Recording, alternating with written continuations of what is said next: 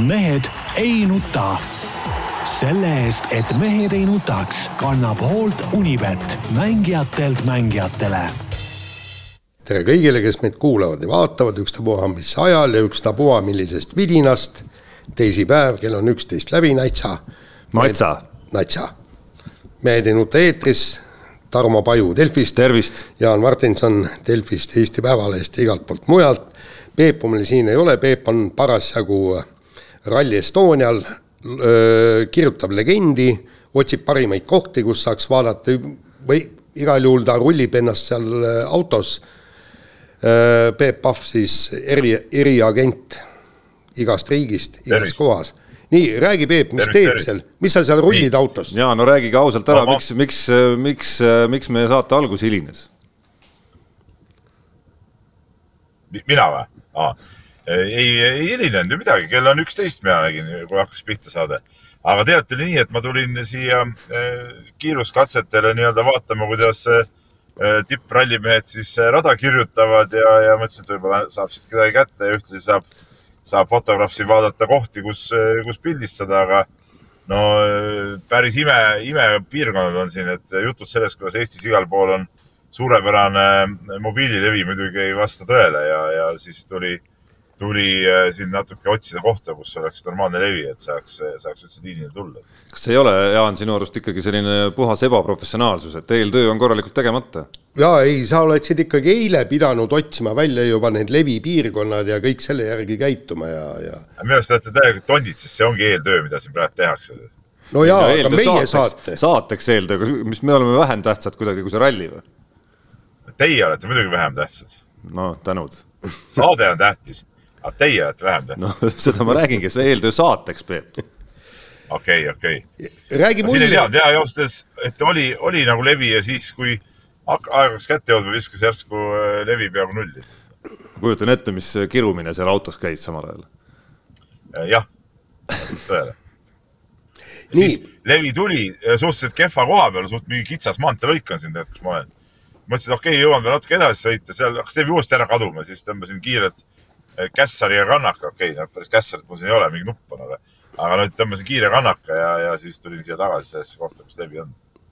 räägi, mis äh, tingimused ja mis muljed ja kuidas, kuidas seal selle vihmaga on, et ma ei tea, siin tuleb äh, kahesugust äh, juttu, üks ütleb, et vihma ei tule, teine, ma vaatan praegu seda ilmakaarti seal, tundub, et, et iga päev on korralikud sajud ja Tallinnas muide praegu igal juhul sajab siin, et, et kuidas teil no, seal siin on? praegu ei saja siin praegu ei saja, on kaheksateist ja pool kraadi näitab mul autokraad ja on sihuke pilvealune ilm, aga, aga vihma ei ole ja vihma ei olnud ka eile, ma tulin juba eile tegelikult siia, tegin, tegin siin äh, intervjuud ja, ja asja, et, et äh, aga nii palju, kui ma ise prognoose olen vaadanud, siis jah, vihma siin lubab, aga mitte nüüd võib-olla, võib-olla ülemäära palju, et need äh,, need vihma, vihma mingid hetked on, aga, aga mitte, mitte päev läbi.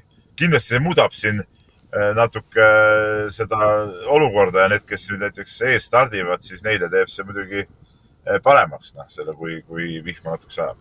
jah, ja, ja Ott Tänakul on ju tegelikult kogemus olemas, Lõuna-Eesti ralli läks ju ka sadama. kaks esimest katset olid kuivad ja siis olid märjad, tähendab niisked need katsed, mitte märjad, nii et, et vähemalt ta nüüd teab, kuidas auto käitub ja, ja infot on. eks nad teavad, eks nad teavad kõik seda, kuidas auto käitub nii ühe kui, kui teistsuguse ilmaga. no ja kui sa ei ole testinud aga... niiskel, noh. nojah, jah, ja kui sa pole testinud, jah, see, ei seda küll.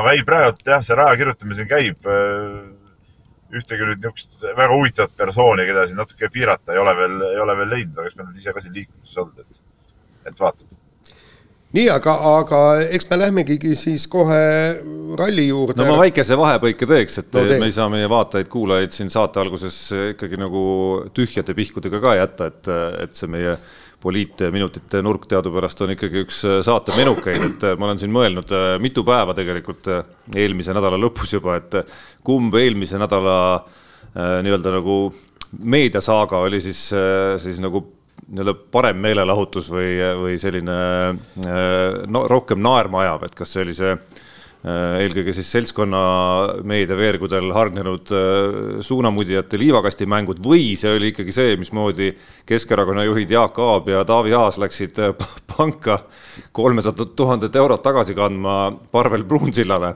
milleks siis Keskerakonna juhatus nii-öelda nagu Mihhail Kõlvarti juhtimisel käsu andis. Äh, häälte enamusega ja, ja kuidas siis ikkagi ühel osapoolel pangas ikkagi käsi lõpuks no lihtsalt ei tõusnud allkirja andma sellele. ja ma jõudsin järeldusele, et see teine on ikkagi oluliselt naljakam lugu. ei, aga tegelikult. aga kas sul, aga kas sul oleks tõusnud käsi sihukest äh, liigutust tegema või? kui, kui juhatus nii otsustas, no siis ikka oleks tõusnud. kuule, mis juhatus, endal ei ole ajusid peas, et mingit juhatust kuulata. kui mingi firma, firma juhatus, ütleme, ma ei tea, Delfi meedia juhatus ütleb sulle midagi, mis saba selgas jooksed kohe tegema või? kuu peale mingu, ise peab mõtlema. jah, aga, aga tegelikult noh, vaata kõik see, kõik see pangas nii-öelda raha äraandmine, mul tuli kohe pilt silme ette, et niisugune kilekottidega vennad läksid sinna et, et need eurohunnikud on kilekotis. aiakäruga. aiakäruga on ju, eks, nad lähevad, lükkavad sinna, hakkavad letile laduma ja siis ei saa. ei saa ikka ja laob sinna aiakärule, kühveldab tagasi ja pöörab ringi, läheb panga uksest välja. ei no täielik, täielik lollus on ju kolm, oota kolmsada tuhat oli vist see summa või? et kolmsada tuhat ära anda niisama tagasi, mis see, mis sa seda ära annad, no jumal küll, seda on ju tarvis. ja, aga see, see, see Kõlvarti poolt korraldatud mäss on ju täiesti häbematu tegu täiesti. ja aga see, kus mu, kus minu mõte nagu veel rohkem minema hakkas, on selline suund, Peep, mis sulle peaks nagu tegelikult väga hästi nagu sobima, et et kui mõelda, et Pruunsild siin ühekordselt juba miljoni viskas välja kolmele erakonnale näiteks on ju ja, ja neist kolmsada tuhat siis Keskerakonnale, et kui palju eest Keila korvpalliklubi peasponsori tiitli saab endale? no ütleme nelikümmend. noh ma mõtlesin viiekümnega, et noh, et selle eest juba ütleme, Keskerakonna raha eest oleks juba kuueks aastaks saanud näiteks siis äh.... aga sa mäletad, aga sa ju mäletad, et Bigbank, mida ju Parvel Pruunsild äh, veab, eks ole, on olnud ju korvpallis Rapla äh, meeskonna sponsor ju. toona Kohilas tegelikult tegutses see meeskond ja no Tartu võrkpall, eks ole, on, on toetanud ka ja ma, ma, ma jäin nagu selle nurga alt just mõtlema, et kui Parvel Pruunsillal ikkagi selline noh, selgelt tundub selline nagu maailmavaateline noh, nii-öelda nagu tung, mis ajendab teda selliseid samme tegema.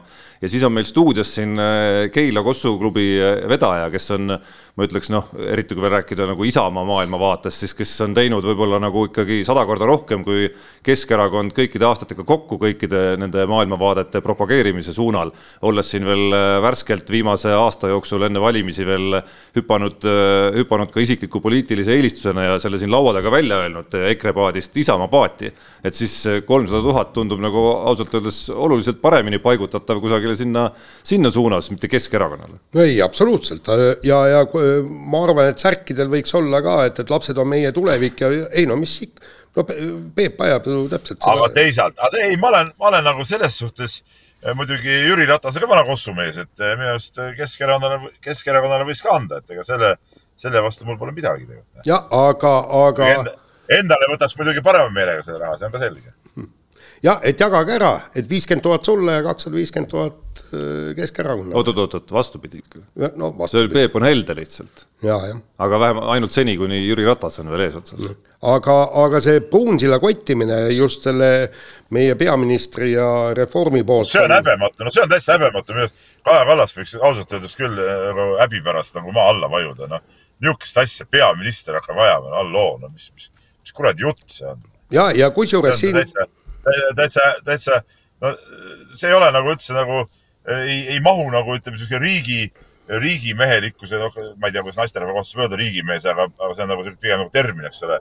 see ei mahu nagu kuidagi selle, selle määratluse alla nagu, et see on lihtsalt üks, üks niisugune äh, kibestunud, kibestunud eh, pinin, nagu ma ütlen niimoodi selle kohta. ja, ja seal eh, ühes artiklis ju toodi väga, väga ilusasti välja, eks, et tähendab, et eh, Pruunsillal on kindel mõte, kindel eelistus, tema tahab seda perepoliitikat ajada, ta on selle kõik ausalt täpselt välja öelnud ja siis annetabki raha parteidele selleks, et lapsetoetused oleks suuremad ja toodi sinna paralleelselt välja, mis oli see Bolti või Wolti öö, omanik ütleb ausalt välja, et tema tahab, et autosid oleks vähem, ta pooldab automaksu ja, ja selle ta ju ütles äh, juba varasemalt välja. annetas Reformierakonnale pappi ja voila, automaks tulebki. kas see on siis seaduse ostmine või? tundub küll nii. või Tarmo, ütle. et sellise asja koha pealt võiks, võiks Kaja Kallas küll suu kinni hoida, see on küll nagu fakt. ja no näha on, et tal ka emotsioonid löövad ikka nagu ülekorralikult nagu lained kuskil seal äh, laksaki vahel, et see tundub selge nagu kuidas öelda, mingi, mingi aasta või kaks tagasi kuskilt, kuskilt hetkest nagu niisugune krõks sai nagu sisse lülitatud, mul on tunne. mul on tunne. nii, aga kas lähme nüüd ralli juurde? no lähme ralli juurde. nii, Rally Estonia, vägev üritus, Ott Tänak loomulikult see, kes publiku loodetavasti raja äärde toob ja ega, ega, ega siin mitte midagi öelda ei ole. Ott Tänak peab selle ralli võitma kui ta tahab tulla maailmameistriks. no okei okay,, seal on väiksed mööndused, eks, et kui Kalle Rovandberga midagi juhtub, siis võib-olla ait-, aitab ka teisest kohast, poodiumi kohast, aga noh, teoorias ikkagi, see on koduralli ja ja, ja, ja, ja, ja siin, siin tuleb see esikoht ära võtta. muud ei jää üle. Peep. absoluutselt, ega, ega muud ei jää üle, sest et koduralli kõik tingimused peaks sobima teed tuttavad, äh, noh, mida, mida, kus siis veel, kui mitte siin, noh, kuigi, kuigi me ju teame, et kahel eelmisel aastal Kalle Rompera on siin äh, võitnud ja, ja, ja kindlasti ei saa olema see sihuke, et nüüd Tänak äh, on soosik number üks siin, et seda, seda ma ei julge ütelda, aga, aga fakt on see, et, et kui tahab olla suures mängus, siis ta peab siin võidu peal välja minema.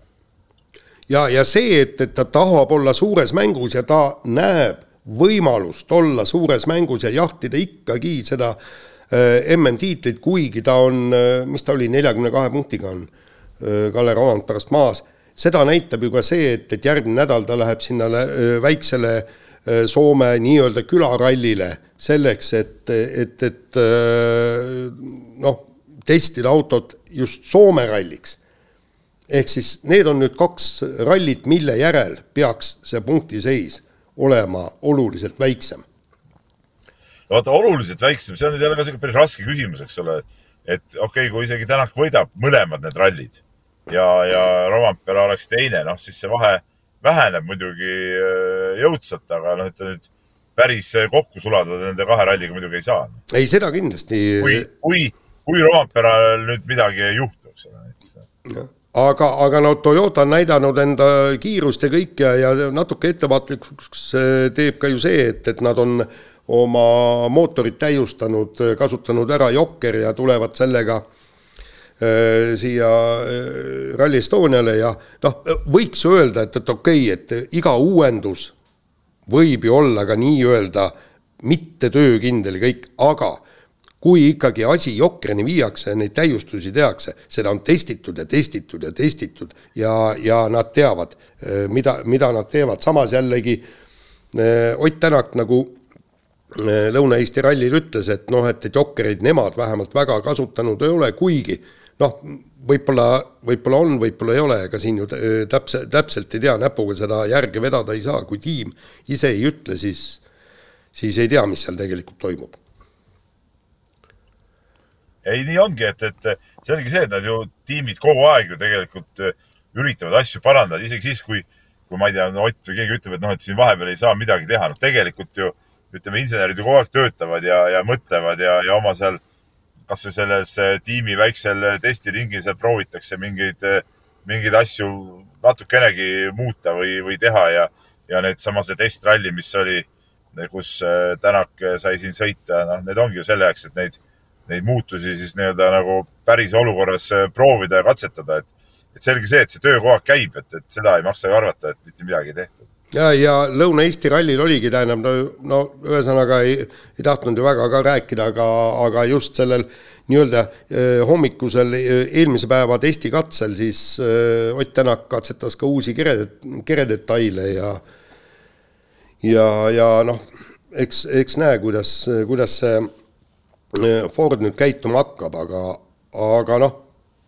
no ma siin äh, mingil hetkel, äh, see on vahepeal mõned päevad, äh, olles puhkuserežiimil nii-öelda pealkirjade tasemel rohkem tarbisin meediat kui, kui artikleid läbi lugedes ja ja siis mul jäi silma siin saate eel, nüüd läksin enne saadet meenutama ka, et mis seal siis see sisu täpselt oli üks, üks pealkiri, mis rääkis sellest, kuidas märgid näitavad, kuidas Ford ja Tänak ikkagi on väga kiired Lõuna-Eesti teedel, aga kui ma sinna artiklisse sisse läksin, siis sain aru, et see on ikkagi selline nagu punktide lugemine ja ajaloolise tausta vaatamine, kuidas Tänak on Eestis ikkagi üldiselt kiire olnud, nii et et pidin pettuma, et ei, ei ole siin keegi mingi kõva märgilugeja olnud ja, ja näinud kuskilt põõsa tagant, kui kiire Ford on. no jaa, aga neid märke ei saagi. vaata need sellised, ei, ei, need sellised artiklid, need on ju, eh, Tarmo, sa ütled küll, et klikk ei ole jumal, aga, aga ja põhimõtteliselt ma olen sinuga tegelikult nõus, aga, aga eh, noh, need on ikka puhtalt kliki püüdmise pealkirjad ja, ja artiklid, et need mingid kunagised Lõuna-Eesti sõidud ei maksa ju mitte midagi nagu selle aasta kontekstis absoluutselt mitte midagi. no Kihlve kontor. kiirelt, kiirelt, ei, seda, et suudab kiirelt teile sõita, no see on, no see on selge, eks ole, see on, see on, talle sobib ja, ja see on kõik okei okay.. aga, aga ütleme selle, selle auto kontekstis, noh, ei, ei tea ju me mitte keegi, mis, mis seisus äh, ta tegelikult on sellisel teel no. Ainuke asi, mille pealt saab, mille pealt saab võtta nüüd nagu snitti, on see Rootsi talveralli, no mis, mis sarnaneb kõige rohkem sellele, mis siin nüüd äh, see nädal toimuma hakkab no Kihlve kontoris vähemalt äh, Kalle Rovanpere on nagu hiiglaslik soosik, et üks koma kuuskümmend seitse ja Tänak kuus koma null näiteks. no Tänaku peale igat. see on Unibet näiteks jah, aga ma arvan, et need on äh, kõikides kontorites väga sarnased. no siis tuleb järelikult Tänaku peale panna, jumala eest. no ma ei, ausalt öeldes ma Unibeti äh, härraseid siin, ma tean, kes meid kuulavad ju ka, tahaks natuke jälle nagu, nagu äh, vitsutada, et, et, et mehed, et see päris päris õiglane koefitsient ei ole minu arust. oota, oota, Peep, ole nüüd tasa, las ma panen eh, selle panuse ära ja, ja siis võitsime. et, et, et ma nagu küll nagu soovitan kõigil soojalt eh, Tänaku peale sellise koefitsiendiga küll kõvasti raha panna, et, et aga samas mul on, sest Unibet on meie sponsor ka, et, et mul on neist nagu kahju, et nad peavad pärast palju raha välja käima lihtsalt. ja aga ja samas, olgu sul jõuallikas milline, oled sa kiire kiire nagu oled, mäletad, mis aastal see oli, kui Ott Tänakul lihtsalt neljandal kiiruskatsel kaks rehvi läks ja oligi päev õhtas, et sa võid olla nii kiire kui tahes, aga aga asjad juhtuvad rallis, paraku. aga ma just äh, eile tegin äh, siukse, mul oli üks pooletunnine vestlus Egon Kauriga, kes teadupärast ju vaata ei ole peale Rootsi talverallit saanud üldse tippseltskonnas sõita. ja, ja nüüd ta siin on jälle stardis ja on, on nagu iseenesest väga suurte lootustega WRC kahes sõidab ja, ja seal oli juttu ka sellest, sellistel teedel rehvi lõhkumist, et kui palju see on sõitja enda äh, viga ja kui palju see on siis noh, sihuke halb õnn ja tegelikult äh, Egon ütles ka, et see on ikkagi suht sihuke fifty-fifty, et, et, et seal muidugi võib olla halba õnne ka, kus seal Euroopa sees on see kivi ja sa ei saa sealt midagi parata, aga, aga see natuke sõltub ka, ka ikkagi sõitjast, kui siin, kui siin need rehvid minema hakkavad, et, et selles suhtes ainult halva õnne Kraassi seda ajada ei saa. nii, aga, aga räägime nüüd eh, see nii-öelda teisest ešelonist eh, ja, ja eestlastest, Egon Kaur stardis, kes, no Robert Virves muidugi, no see, see on koht, kus ta peab ennast näitama nüüd. ta, tal on mõned. mina ütlen seda, kes, kumb teist julgeb Ihveli vastu võtta, mina ütlen, et Egon Kaur on kõige kiirem eestlane siin nendest äh, WRC kahtedest no, Jaan võtab. ei, vaata, siin ongi see asi, et, et ma, ma olen täiesti Peebuga ühel nõul. ma olen siin Peebuga ühel nõul. et mitte midagi teha ei ole. tal on ka ilmselgelt parem auto kui Robert Jürvesel näiteks. no just. ja, ja, ja teine asi, ta on ju, ta on ikka kõrges mängus olnud ju Rally Estonia poodiumil. ta on väga kiire, noh, ja, ja, ja ta on selles suhtes, ta on, ma arvan, et see sobib, kui, kui ta suudab, temal on ka seesama häda, noh miks mul see, miks ma sellest rehvide purunemisest ja sellest rääkisin taga? Ja üldse nagu sellest auto nii-öelda nagu sellest sõidustiilist, mis autot võib-olla natuke lõhub, eks ole, ta on ka selle stiili esindaja ju tegelikult ja, ja see tuligi meil eile nagu jutuks ka ja, ja, ja kui ta suudab nüüd siin, ta ütles, et ta seekord nagu proovib nagu hoida ja leida niisugust stiili, mis autot äh, paremini nagu säästaks ja hoiaks, samas seda kiirust säilitades, et, et kui ta seda suudab nagu teha, siis, siis ma arvan, ta on siin nende äh, WRC kahe absoluutsete tippudega samas tempos jaa, aga, aga, aga see näitabki, kuna siia tulevad tõesti ikkagi kõik, peaaegu kõik staarid tulevad WRC kahesaja. Gräzinit ei lasta, eks ole. jah, ja, ja, ja siin ikkagi nüüd jällegi juba mitmes kord, eks meie rallisõitjad saavad ennast võrrelda tegelikult maailma tipuga ja ja, ja kui sa tahad kuhugi jõuda, sa pead ühel hetkel selle öö, läbilöögi tegema, noh, ma just natuke täna lihtsalt uurisin, Soomes oli paar artiklit sellest e-, Emil Lindholmist, eks, et et ta oligi vaikselt tuli, ta võitis WRC kaks sarja, nüüd tegi siis Hyundai'ga lepingu, sõidab Hyundai Rally2 autoga ja, ja seal oligi noh, küsitigi, et kas Rally1 autosse sõidad ja siis noh, vend oli kahtleval seisukohal ja ütles, et aga sinnapoole ma pürin. et, et, et nii astutaksegi neid samme.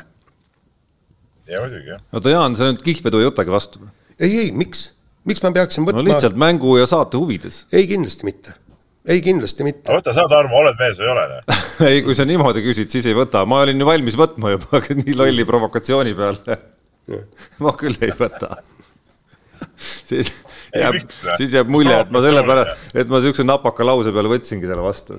ma oleks võtnud, Peep, kui sa poleks siukse tobeda lausega välja tulnud seal.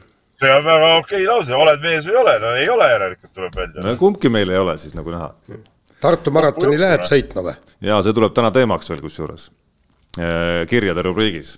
okei okay nii, aga vahetame teemat, läheme kergejõustiku juurde, kuni kahekümne kolme aastaste Euroopa meistrivõistlustel siit üle lahe Espos said siis Eesti, Eesti naised või neiud kaks medalit, Pipi-Lotta Enok ja Keti Tugi siis üks seitsmevõistluses ja teine, teine odaviskes. lisaks saime ühe kaheksa tuhande punktimehe meeste kümnevõistluses juurde endale aga ma usun, et äh, kõige huvitavam ja peaküsimus ikkagi selle, selle võistluse järel võiks olla see, et et millised siis on kahe medalivõitja lootused kunagi ka maailma tasemel ja täiskasvanute tasemel tiitlivõistlusel samuti medal võita? No see on jälle niisugune natuke provokatiivne küsimus, et äh, sellele praegu vastata on ju praktiliselt võimatu. selge see, et mõlemil on ju potentsiaal olemas, et, et kui kui äh, Enok on siin teinud äh, väga korraliku arenguhüppe sel, sel hooajal ja, ja, ja ütleme, see võistlus tuli tal läbi selliste raskuste, me teame, mis tulemused ta juba see aasta teinud on. suhteliselt noor tüdruk, no selge see, et ta on võimeline seal vähemalt seda Eesti rekordit nihutama, kas nüüd päris maailma tippu jõuda, noh, see on juba sihuke päris, päris keeruline küsimus, selleks tuleks ikkagi teha ju sinna kuue tuhande, kuue, seitsmesaja peale, no see on, see on juba järgmine level. Mis nagu tugid puudutab, siis, siis ta on väga stabiilselt ju see aasta seal kuuekümne meetri joone peale visanud. ütleme, see aasta ma juba eeldan, et tal äkki ühel võistlusel tuleb välja ja suudab juba sinna kuskil kuuekümne kolme peale ära visata ja vaadates nüüd ka tema vanust, noh, seegi see, et seal niisugune kuuekümne viie, kuuekümne kuue meetri potentsiaal võiks ju sees olla tegelikult, mis, mis, mis võib, võib tagada täitsa kõrgeid kohti tiitlivõistlustel. No seal vähemalt noh, minu arvates on see, et, et tugil on ikkagi natukene vähem maad minna medaliteni. No just selles, just, no just selles mõttes, et see on ka hetkeseis, Jaan, muidugi, et, et mõnes mõttes on nagu, mäletad, Mati Alaver armastas protsentidest rääkida, et, et kuna siin Äh, mõlemad numbrid nii odaviskes kui seitsmevõistluses kuuega algavad, siis komakoht on küll teises kohas, siis on nagu üsna võrreldavad need äh, maad, kui palju nagu medalini hetkel maailma tasemel on, on minna ja tundub, et seitsmevõistlus naistel elab nagu tipu mõttes päris häid aegu, aegu praegu, aga see on nagu praegu, eks. et odaviskes vastupidi, just, kus, kus kuuekümne kolme ja kopikatega vist viimati võideti lausa maailmameistrivõistluste medal, eks et kuue tuhande kolmesajaga no, sa seitsmevõistluses hetkel, seitsmevõistluses hetkel nagu hetkel vähemalt äh, noh, ei ole lootustki. jah, aga, aga no vaata, siin ongi selle, kui me lootusest vaatame, võtame sellesama meeste kümnevõistluse sealsamas U kakskümmend kolm tšempionaadil kui esikoht saadi kaheksa kuu. see oli täitsa ulmevõistlus. jah, kaheksa kuu. norralased tegid. jah, kaheksa kuus, teine koht kaheksa viis on ju, ja, ja seal nüüd me vaatame, eks me rõõmustame jah, et, et me saime kaheksa tuhande punkti mehe aga kulla vend, sul on, sul on kuussada punkti minna selleks, et selles vanuseklassis võita kuld, on ju, kuussada punkti no jaa, siin peab arvestama, et suhteliselt nii-öelda toore mehega tundub olevat tegemist veel ka, et, et sealt on kaugushüppest üksinda, kui noh, kui, kui, kui ta saaks nii-öelda lendama ennast, oleks üksinda juba vist kuskil kolmsada punkti võimalik nagu maast leida. no ja, ja pluss no,. toore mehega igal juhul, aga, aga peate arvestama sellega ka, et, et okei okay,, kaheksa tuhat loetakse ikkagi nagu selleks noh kümnevõistluseks maagiliseks piiriks, no siiamaani võib ütelda, et noh, kui see kaheksa tuhat teeb, see on ikka tõeline kümpimees. aga tegelikkuses ütleme selle kaheksa tuhandega ei ole juba ammu enam äh, mitte kuskil mitte midagi võimalik äh, saada, eks ole, et, et see on, see on niisugune tore sümboolne piir. aga ütleme, need päris ütleme, siuksed medalimängud ja asjad hakkavad ikkagi, ikkagi palju-palju kaugemal, noh, et, et midagi pole parata. no nähes, no just nimelt, et nähes siin neid norralasi kahe, kahekesi kaheksa tuhande kuuesaja punkti peal, et siis noh, siis sa pigem vaatad meie neid eh, esivõistlejaid ja, ja saad aru, et nemadki saavad selle sõnumi, et ega see kaheksa-neli või kaheksa-viis ei pruugi ka veel mingisugune medali tulemus lõpuks olla, okei okay,, tiitlivõistlustel olud on erinevad ja, ja neid noh, alati on katkestajaid ja nii edasi, nii edasi, nii edasi, aga vähemalt paberil mitte. no kaheksa-neljaga ikkagi medalit eh, saada, ütleme MM-il näiteks on ikkagi üli-ülikeeruline, et see, see eeldab tõesti niisugust teistsugust võistlust, et et kui äh, ütleme, niisugune kaheksa-kuus ikka on ikkagi vähemalt see medal hind, ma arvan. ja, ja, ja tegelikult jällegi ma, ma pööran ennast meie üle lahe naabrite poole, nemad võitsid ju kümme medalit. aga neil olid kommentaarid ka, et jõle tore, eks, kümme medalit, aga see on punkt üks, Euroopa ja punkt kaks, sisuliselt kahe-kolme aasta Äh, sportlased on seal äh, kokku tulnud. et nende põhjal nüüd äh, arvata, et, et ühel hetkel Soome hakkab võitma suuri medaleid ja, ja võib-olla ka MM-il, ütlesin, et no way. ei no eks vaata, vaata Jaan, Jaan, aga sellist asja mina ütlen, et, et see on niisugune totakas vigind, et niisuguse võistluse taustal, kui sul tuleb kümme tiitlivõistluse medalit, olgu ta U kakskümmend kolm, mis siis, eks ole.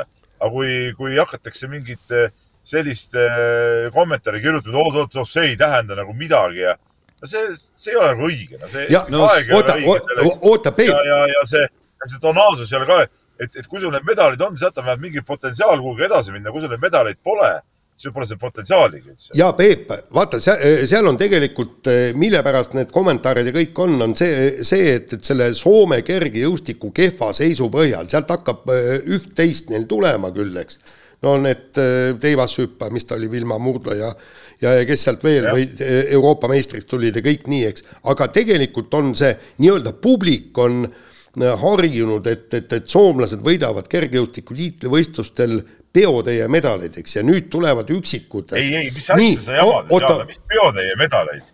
kus need peotäied nüüd nii väga olnud on siis? ei no sealt on ikka, ikka. Nendel on ka ikkagi medal, kui me räägime, kui me räägime medalitest ja kõvadest medalitest ja kõvadest tiitlivõistlustest, seda on ikkagi eh, üks-kaks eh, medalit eh, per tiitlivõistlus, seal mingit no, peoga nüüd neid ka nii väga võetud no, ei ole. just, aga, aga ikkagi ollakse mures, et see kergejõustiku olukord Soomes on. Ja nüüd siis, kui meil, neil tuli need kümme medalit, siis järsku keegi siin-seal plahvatas, hurraa, me oleme päästetud. ja vot see oli siis see vastus, et see ei ole veel pääsemine, et me U kakskümmend kolm EM-il võidame hulga medaleid, see ei tähenda seda, et, et Soome kergejõustik on päästetud nüüd lõplikult. jaa, aga noh, see, see, see näitab. selle loogika järgi, kas Teigamägi peaks siis praegult äh, mingit enesetappu sooritama, et nad said kaks medalit. ei no Eesti, ei no Eesti, Eesti sai ja väga hea, et sai. ei no soomlased peaks ikka väga rahul olema, et äh, Eesti vist, kui ma nüüd ei eksi praegu siin jutu ajal kontrollisin, et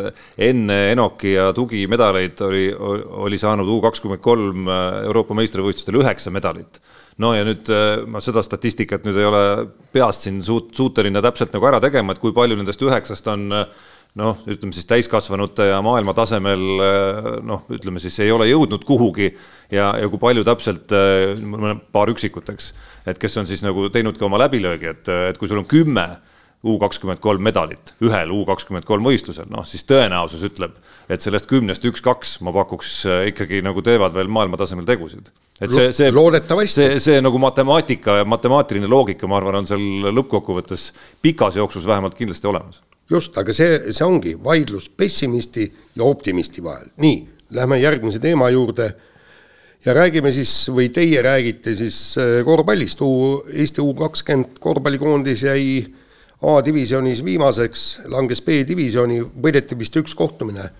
ja, ja just see lõpp ikka läks väga käest ära ja, ja no ma kas Tarmolt või kellelt ma siin, ei, Atsilt eile küsisin, et kas me olemegi tõesti nii õhukesed, et, et kui meil üks mängija Veesaar vigastusega välja langeb, on kõik, me saame kõikidelt tappa ja saame kõikidelt kõvasti tappa? No esimesed mängud pärast Veesaare vigastust Eestil, Eestil veel nii nutused välja ei näinud, et noh, kahetised tunded, et ega mul, ma pean tunnistama, et ega mul turniiri eel nüüd ka nagu ei olnud ootused kuskil nagu laes-laes, et, et seda selle, selle meeskonna koosseisu vaadates ja ja nagu eelkõige tagaliini nõrkust vaadates, vähem nendes aastakäikudes, kes meil seal, kes meil seal praegu eriti mängujuhi koha peal võtta olid ja, ja mõeldes, kui tähtis positsioon see on, vaata kui millist, millist võtmetähtsust etendas mängujuht ja keskmängija näiteks eelmise aasta Keilas kasvõi on ju, kellest Peep alustas oma meeskonna komplekteerimist just nimelt Marcis Vitolsist, eks. Et, et see selge nõrkus paistis vastu juba, juba suve esimestes mängudes, paistis vastu ilma esimeste mängudeta juba. Ja kui, kui ma siin neid mänge kommenteerisin ja ja paberil vähemalt seitse vastast pidin nagu läbi käima ikkagi ja, ja üksi pulgi igat meest, et kus ta mängis eelmisel hooajal ja mis ta on siis meeste tasemel jõudnud teha, et siis, siis noh, realistlik pilt on see, et eh, ega paberil, eriti kui sa veel selle Eesti, ütleme sellise võib-olla isegi nagu paberil mingis mõttes nagu tugevuse koos Henri Veesaarega, noh, nullid siis nagu tugevusest ära ja, ja, ja seda ka enam ei ole seal. et siis eh, noh, siis midagi ei ole öelda, ma näen kõikides vastastes, kõikide vastaste ridades ikkagi nägin võib-olla Poola välja arvatud see viimase ja eelviimase koha mängus, nägin ikkagi mängijaid eh, kahte-kolme-nelja võib-olla, kes sellisel ma ei tea, kas siis Aadria liiga või Hollandi-Belgia liiga või mõni seal Hispaania liiga tasemel paaris satsis isegi on ikkagi nagu põhimehe minutiga juba sellise viieteist, kahekümne minutilise mänguajaga juba. ja, ja tõesti, meie tagamehed tulid siis samale turniirile vastu noh, põhimõtteliselt ikkagi nagu Eesti esiliiga pealt, mis noh, ei ole ka veel selline kõva nagu kaitsesurve ja nagu tagameeste liiga, vaid nagu siin äh, mõned kossumehed on öelnud, on selline nagu kehade liiga rohkem, et et äh, et selles mõttes see tulemus nagu lõppkokkuvõttes ei üllatanud, eriti kui siin äh, Eesti eesliin sai lõpuks päris korralikult laastatud kahe mehe vigastuse näol ka veel.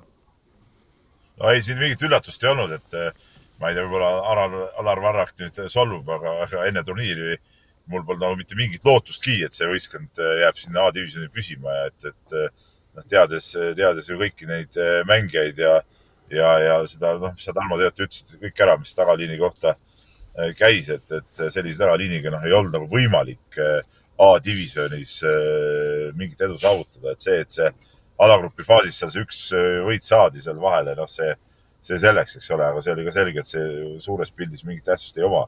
et, et kui, kui ma, no ma olin ju tegelikult ise väiksel puhkusel, eks ole, ma vaatasin natuke poole silmaga neid mingi mõnda üksikut mängu ja, ja, ja mitte, mitte ühtegi täispikkuses, aga no eks see pilt, nii palju kui ma nägin, oligi täpselt selline nagu, nagu karta oli, et, et kui sul ikka tagaliini ei ole, sul võib jah, sul võib isegi terve Veesaarega, ma arvan, et ei oleks meil väga palju lihtsam olnud, et kui sul, eh, kui sul ei ole tagaliini, siis need pikad võivad seal korvi all olla või mitte olla, et, et kuidagi peavad need pallid nendeni jõudma ka ja, ja Veesaar ei ole ju see mees, kes, kes hakkab ise ma ei tea, kusagilt kaugelt ehitama ja, ja tegema, et, et ja noh, kui veel Kaspar Sepp ka välja langes, no siis, siis äh, ei olnud nagu korvi, nii-öelda korvialuses tsoonis meil ka enam sisuliselt ju, ju suurt jõudu. no siis juhtus. variant ja no siis juhtus põhimõtteliselt see, et juba hakatigi nagu läbi eesliini murdma neid põhimõtteliselt, et nii süsteemselt nagu näiteks Sloveenia siin Eestiga mängus reaalselt mängiski järjekindlalt kogu aeg palli oma pikkadele kes siis selg ees hakkasid sealt äh, kusagilt äh, nelja meetri pealt midagi tegema, eks ole, ja sealt hakkas kogu rünnak hargnema. ma tänapäeva korvpallis ammu pole näinud, et, et nii süsteemselt nagu läbi puki üldse noh, nii-öelda nagu harutataksegi vastase mäng lahti. Äh, mehed, mul on see on vana klassika, et pall peab alt läbi käima. ei, no klassika küll jah, aga me tänapäeval näeme rohkem nagu tagameeste korvpalli ikkagi igal tasemel põhimõtteliselt, et ses mõttes sealt, sealt ekspluateeriti seda Veesaare puudumist ikkagi väga korralikult, et, et, et noh jah, meil olid äh, oma nii-öelda nagu paar-kolm tugevust sellel turniiril kindlasti ja ma arvan, et siin Itaalia esiliiga kaks poissi tegid, tegid näiteks väga sümpaatse turniiri, aga noh, nad ei ole kumbki keskmängijad. nii, meil, mul on see küsimus. kui see sats oleks ütleme seal A-divisjonis, kes selle satsi sinna A-divisjoni viis, kas siis oleks pilt olnud parem? no raske on nendest no, kindlasti ei, natuke oleks olnud parem kindlasti, sest et ütleme selle, kes A-divisjoni viis, selle tagaliin oli ikkagi tunduvalt äh, tugevam ja parem. see on see nii-öelda see kaks tuhat kaks äh, poiste, poiste põlvkond, kes praegu mängis siis selles nii-öelda äh, sel suvel seal Eesti koondise nii-öelda korvpalli koduvõistkonnas, eks ole, et, et selle tagaliin on ilmselgelt tugevam kui, kui see aastakäik kaks tuhat kolm, kaks tuhat neli ja, ja, ja muide, siin te, tegelikult eile, eile tuligi meil Atsiga arutelu ja miks ei võiks olla niimoodi, et B-divisjoon oleks U üheksateist ja A-divisjon U kakskümmend, ehk siis U üheksateist mehed, kes viivad selle võistkonna A-divisjoni, saavad mängida järgmine aasta U kakskümmend ehk siis nemad teevad. Jaan ära hakkab. ja sealt, ja sealt allapoole siis U kuusteist jääb samaks jälle, eks ole, ega see ei ole üldse paha mõte iseenesest, Peep ju. ei tea, no mis see on nagu. ja U seitseteist, U kaheksateist, jah jaa, aga no lõppkokkuvõttes jääb samaks ikkagi, et no siis kahe, kaheaastase sammuga sul on võimalus iseendale lihtsalt võidelda välja koht, eks ole. just, et kui see on tugev sats, võitleb endale A, A-grupi koha välja, siis palun mängivadki A-grupis. Aga noh, aga jah, selles mõttes see nagu, nagu, nagu me Peep, Peebuga mõlemad ühest suust ütlesime, et noh, siin nagu ei olnud väga suurt äh, üllatust selle juures ja ja, ja noh, mis seal salata, et kui me läheme nüüd nagu aste allapoole, et U kaheksateist on siin alustamas ja, ja siis tuleb U kuusteist sinna otsa, et siis siis noh, ega U kaheksateistkümne ümber, Peep, sa võid parandada, aga ega need nii-öelda ootused, lootused ka nüüd väga suured ei ole, et see, et see järgmine selline noh, meil nüüd lainetena on käinud mõnes mõttes need, need nii-öelda nagu koondise mõttes põlvkonnad, et kus on see, kus on see koondis, kes siis nagu on suuteline, ma ei tea, Eestit tõstma näiteks, noh, nii nagu oli see Raieste ja Kullamäe põlvkond, kes äh, ükskord U kuusteist tasemel tõstiski Eesti ülespoole ja, ja, ja seal hiljem jäi hästi natukene nagu puudu järgmistes äh, vanustes, et et see U kuusteist on natukene nüüd selline, kus, kus on nagu lootust rohkem ja kus ka tagaliinis tundub olevat selliseid äh, selliseid äh, kujusid vähemalt hetkel, noh, juba vara on rääkida meeste korvpalli kontekstis, äh, äh, mis võiks midagi nagu sarnast kujutada äkki nagu, nagu seesama eelmise aasta U kakskümmend siis. nojah, aga U kuusteist on veel selline vanus, et, et see ei, ei näita veel midagi, et, et, et kui palju siis seal U kuusteist koondise vendi nagu pärast meeste korvpalli mängivad, seal on, võivad olla päris üksikud mängijad või võib muidugi paremini ka minna, kui meil oli tõesti see Raieste ja, ja, ja Kullamäe ja, ja Tass ja see, see põlvkond ja, ja ütleme, aasta nooremad seal, seal trell, aga, aga võib minna ka nii, et tegelikult väga, väga suures hulgas ütleme, need mehed ikka kaovad ära, kes U kuusteist koondises veel on nagu tegijad. Aga no, no üks väikene nii-öelda pehmendus veel sellesama U kahekümne üle on, et, et ega see, okei okay,, U kakskümmend tasemel see vanus võib-olla nii määrav enam ei ole, aga noh, tegelikult kui ma vaatan ka neid äh, noh, nii-öelda mõningaid staare sellel turniiril, siis, siis see aasta võib seal nagu päris palju vahet teha, et Eestil oli siis kaheteistkümnest mehest kümme olid ju nii-öelda nagu noorema vanuse vanu või sünni. see tuleb selle, segan vahele, Tarmo, kaks tuhat kolm oligi lihtsalt meil ikkagi, ma mäletan ka noorteklassis väga kesine aastakäik, et, et nii lihtsalt ongi, et see ongi väga hea, et need neljad said, said ühe aasta seal juba proovida, järgmine aasta neil on seal B-divisjonis väga hea võimalus nagu tipu peale mängida just, et, et noh, see aasta võib teha nagu päris palju, selle just, see on see iga, kus nad hakkavad või peavad siis meeste tasemel hakkama ikkagi nagu pead tõstma, on ju. et seesama üks, et seesama üks turniiri säravamaid tegijaid, kes siin meie vastu Belgia särgis ka tegi nagu suurt äh, suurt mängu ja kes sõlmis siin lepingu Kristjan Kullamäe klubi Bilbaoga äh, turniiri ajal et siis äh, noh, temagi, kui ma vaatan, et äh, mida ta nagu eelmine suvi, kui ta üheksateist oli, mis ta siis meeste tasemel oli jõudnud teha, oli selline Antwerpeni noh, selline ikkagi nagu no, no noormängija minutite mees seal kuskil selline nagu viie, viie ja kümne minuti vahel kuskil ja siis nüüd see hooaeg, mis selja taga, ehk siis see, see aasta, kus ta sai kakskümmend, et noh, see oli siis selline hooaeg, kus nagu tohutu läbimurde oli lihtsalt meeste tasemel ta nagu ära teinud, on ju. et, äh, et väga tahaks loota, et sellest samast kaheteistkümnest me näeme neid läbimurdeid klubi hooaja tasemel ja ja, ja noh, ma kujutan ette, et nii mõnelgi, nii mõnelgi, eriti just tagaliini poole peal, oli seal nagu päris korralik reaalsushetk, et, et milline ma pean füüsiliselt olema ja, ja oma oskustest olema selleks, et et siis nagu meeste tasemel hakata Euroopa tasemel kossu mängima. nii vahetame teemat, Haanja spordikeskus pannakse augustis kinni, kui eratoetajaid päästma ei tule. Anti Saarepuu karm sõnum eelmisel nädalal, teema ei ole uus, aga kahjuks ei ole kuskile kadunud. no tähendab, minu jaoks oli see ja. üllatus, ma olin seal Lõuna-Eesti rallil, eks Saarepuu seal möllas, pesi nõusid, oli seal paari leti taga, sest rahvast oli palju, käivet oli, pakuti vorsti, pihve, kõike head, väärt asja, hakkasime siis rääkima, kuidas keskusel läheb, ütleski, pannakse kinni tähendab, no minu jaoks on see natukene kujuteldamatu. see Haanja, Haanja keskus on täiesti korralik keskus, ma ei ütle, et, et see oleks mingisugune megakeskus, aga ta on mm, sertifitseeritud äh, laskesuusatiir on seal, Eestis kaks neid on, üks on Otepääl, teine on Haanjas. ja okei okay,, ma saaksin aru, et, et kui me räägime mingitest tohututest summadest, et tõesti raha ei ole ja noh, tulebki kinni panna. jutt käib viiekümnest tuhandest eurost ja riik appi ei tule. Üldse rääkisin äh, spordi asekantsleri Tarvi Pürniga, ta ütles, et äh, Eestis on samalaadseid spordibaase ja see käib terviseraja.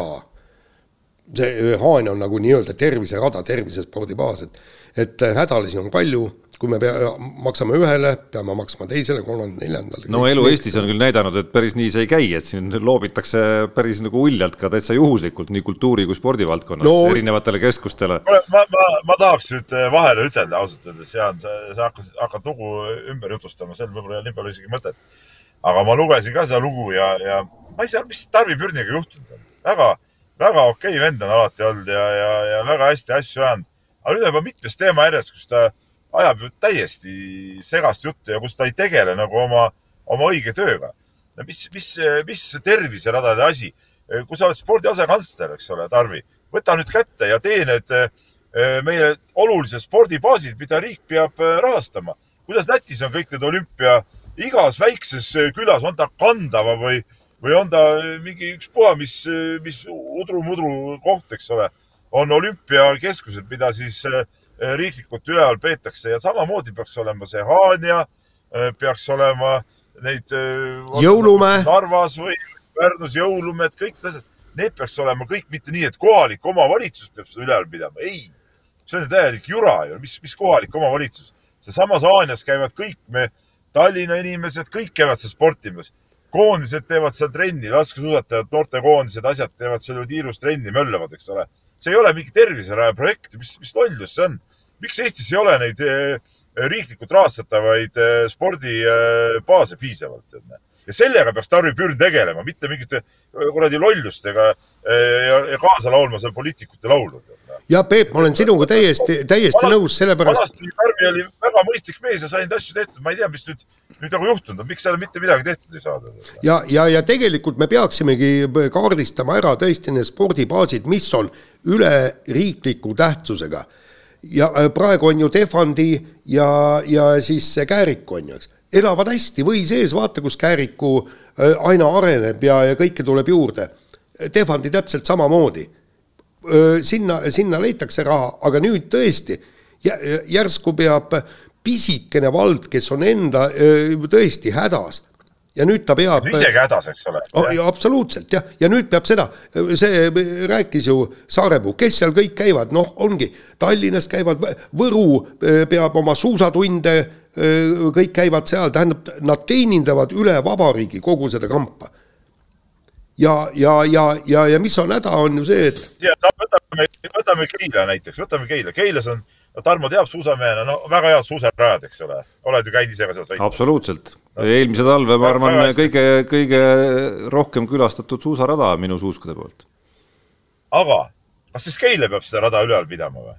ei peaks ju, ei peaks, seal peaks olema jälle Keila spordikeskus täiesti, meil on seal tervisekeskus, ujumisklubid, koondised käivad seal laagrites kogu aeg, eks ole, meil on vägev ujula, meil on need suusarajad seal, nii tonn, jälle peaks olema vabariiklik spordikeskus ja saama, ma ei ütle, et kogu rahastuse, aga mingi väga tugeva rahastuse sealt ja siis kohalik omavalitsus paneb sinna veel juurde ja, ja, ja see on nagu, nagu õige asi, aga praegu, mis on üldse meie praeguse valitsuse viga kõikides asjades, ma ei räägi ainult spordist, jubedalt, et aga kohalik omavalitsus peab tegema seda, teist ja kolmandat, no kuule, halloo noh, kust see kohaliku omavalitsuse raha tuleb siis?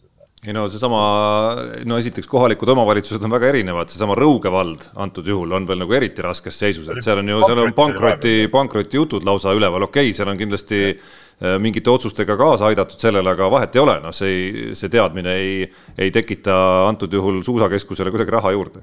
ja, ja äh, tegelikult äh, Tarvi Püürn rääkis, et neil on idee ja nende lootus on paari-kolme aasta pärast, siis kui riigi rahaline seis paraneb, äh, teha nii-öelda rahakott nende spordibaaside haldamiseks. kolm miljonit eurot on, on praegu nagu idee. Ja, ja, ja siis on niimoodi, et toetatakse, antakse sinna, aga aga, aga miks neid ei, neid ei võiks olla tõesti nagu riiklikud baasid, teatud baasid kusjuures kui Jaani artikli juurde tulla, siis, siis see mõte, mida Anti Saarepuu seal nii-öelda nagu ebalevalt välja viskas, noh, ei ole ka lõpuni vale ikkagi, et minu arust mingi väike külastustasu, võib-olla lastele mitte, aga täiskasvanutele oleks täiesti okei okay., Kõrvemaal näiteks on see ju sisuliselt olemas, et okei okay,, see on nagu noh, see, see, et sa lähed nagu sinna päris parklasse, eks ole, ja oled seal keskuse ümber, et, et kui sa lähed sealt kilomeeter edasi sealt teise tee otsa pealt sisse, siis ma kahtlustan, et et keegi seal seda tasu ei maksa, on ju, aga see, ma peast ei mäleta, kas see oli kolm eurot või või mis see inimese kohta seal küsitakse, et tundub nagu täiesti okei okay,, et ma ju ujulasse ei lähe ootusega, et ma peaks tasuta saama või golfirajale. ja, ja absoluutselt, aga vaata, seal on nüüd eh, see äh, Haanja spordibaasi puhul on probleem selles, eks, et ta on Euroopa rahadega üles ehitatud ja siis sealt tulevad teatud piirangud, aga seal võiks olla seal... Parki, parkimistasu. jah, just. kuigi seal parklat tuleks laiendada muidugi, et seda küsima hakata. jah, või, või siis teine asi, nagu öeldakse, toetus. ehk, ehk siis sa paned nii-öelda pa, pangaautomaadi sinna raja algusse ja igaüks saab niimoodi piiks kaardiga lasta kas või üks euro, kas või üks euro, piiks lased öö, toetuseks ja juba see tooks öö, korraliku papi kokku, sada tuhat külastuskorda, sada tuhat. ja kui igaüks maksaks ühe euro, kõik päästetud, hurraa. ei, väga, väga õige jah, väga õige. nii, aga võtame see, selle ploki viimase teema ja räägime siis jalgpallist euromängud algasid eelmisel nädalal, nüüd täna, täna jätkuvad ja, ja põhimõtteliselt Eesti klubide saldo kolm kaotust, üks viik ja, ja, ja noh, tegelikult ei olnud nagu hullud kaotused või võib-olla tõesti Narva Trans sai null kaks Jerevani ja mitte Araratilt äh, tappa, vaid äh, Punikult.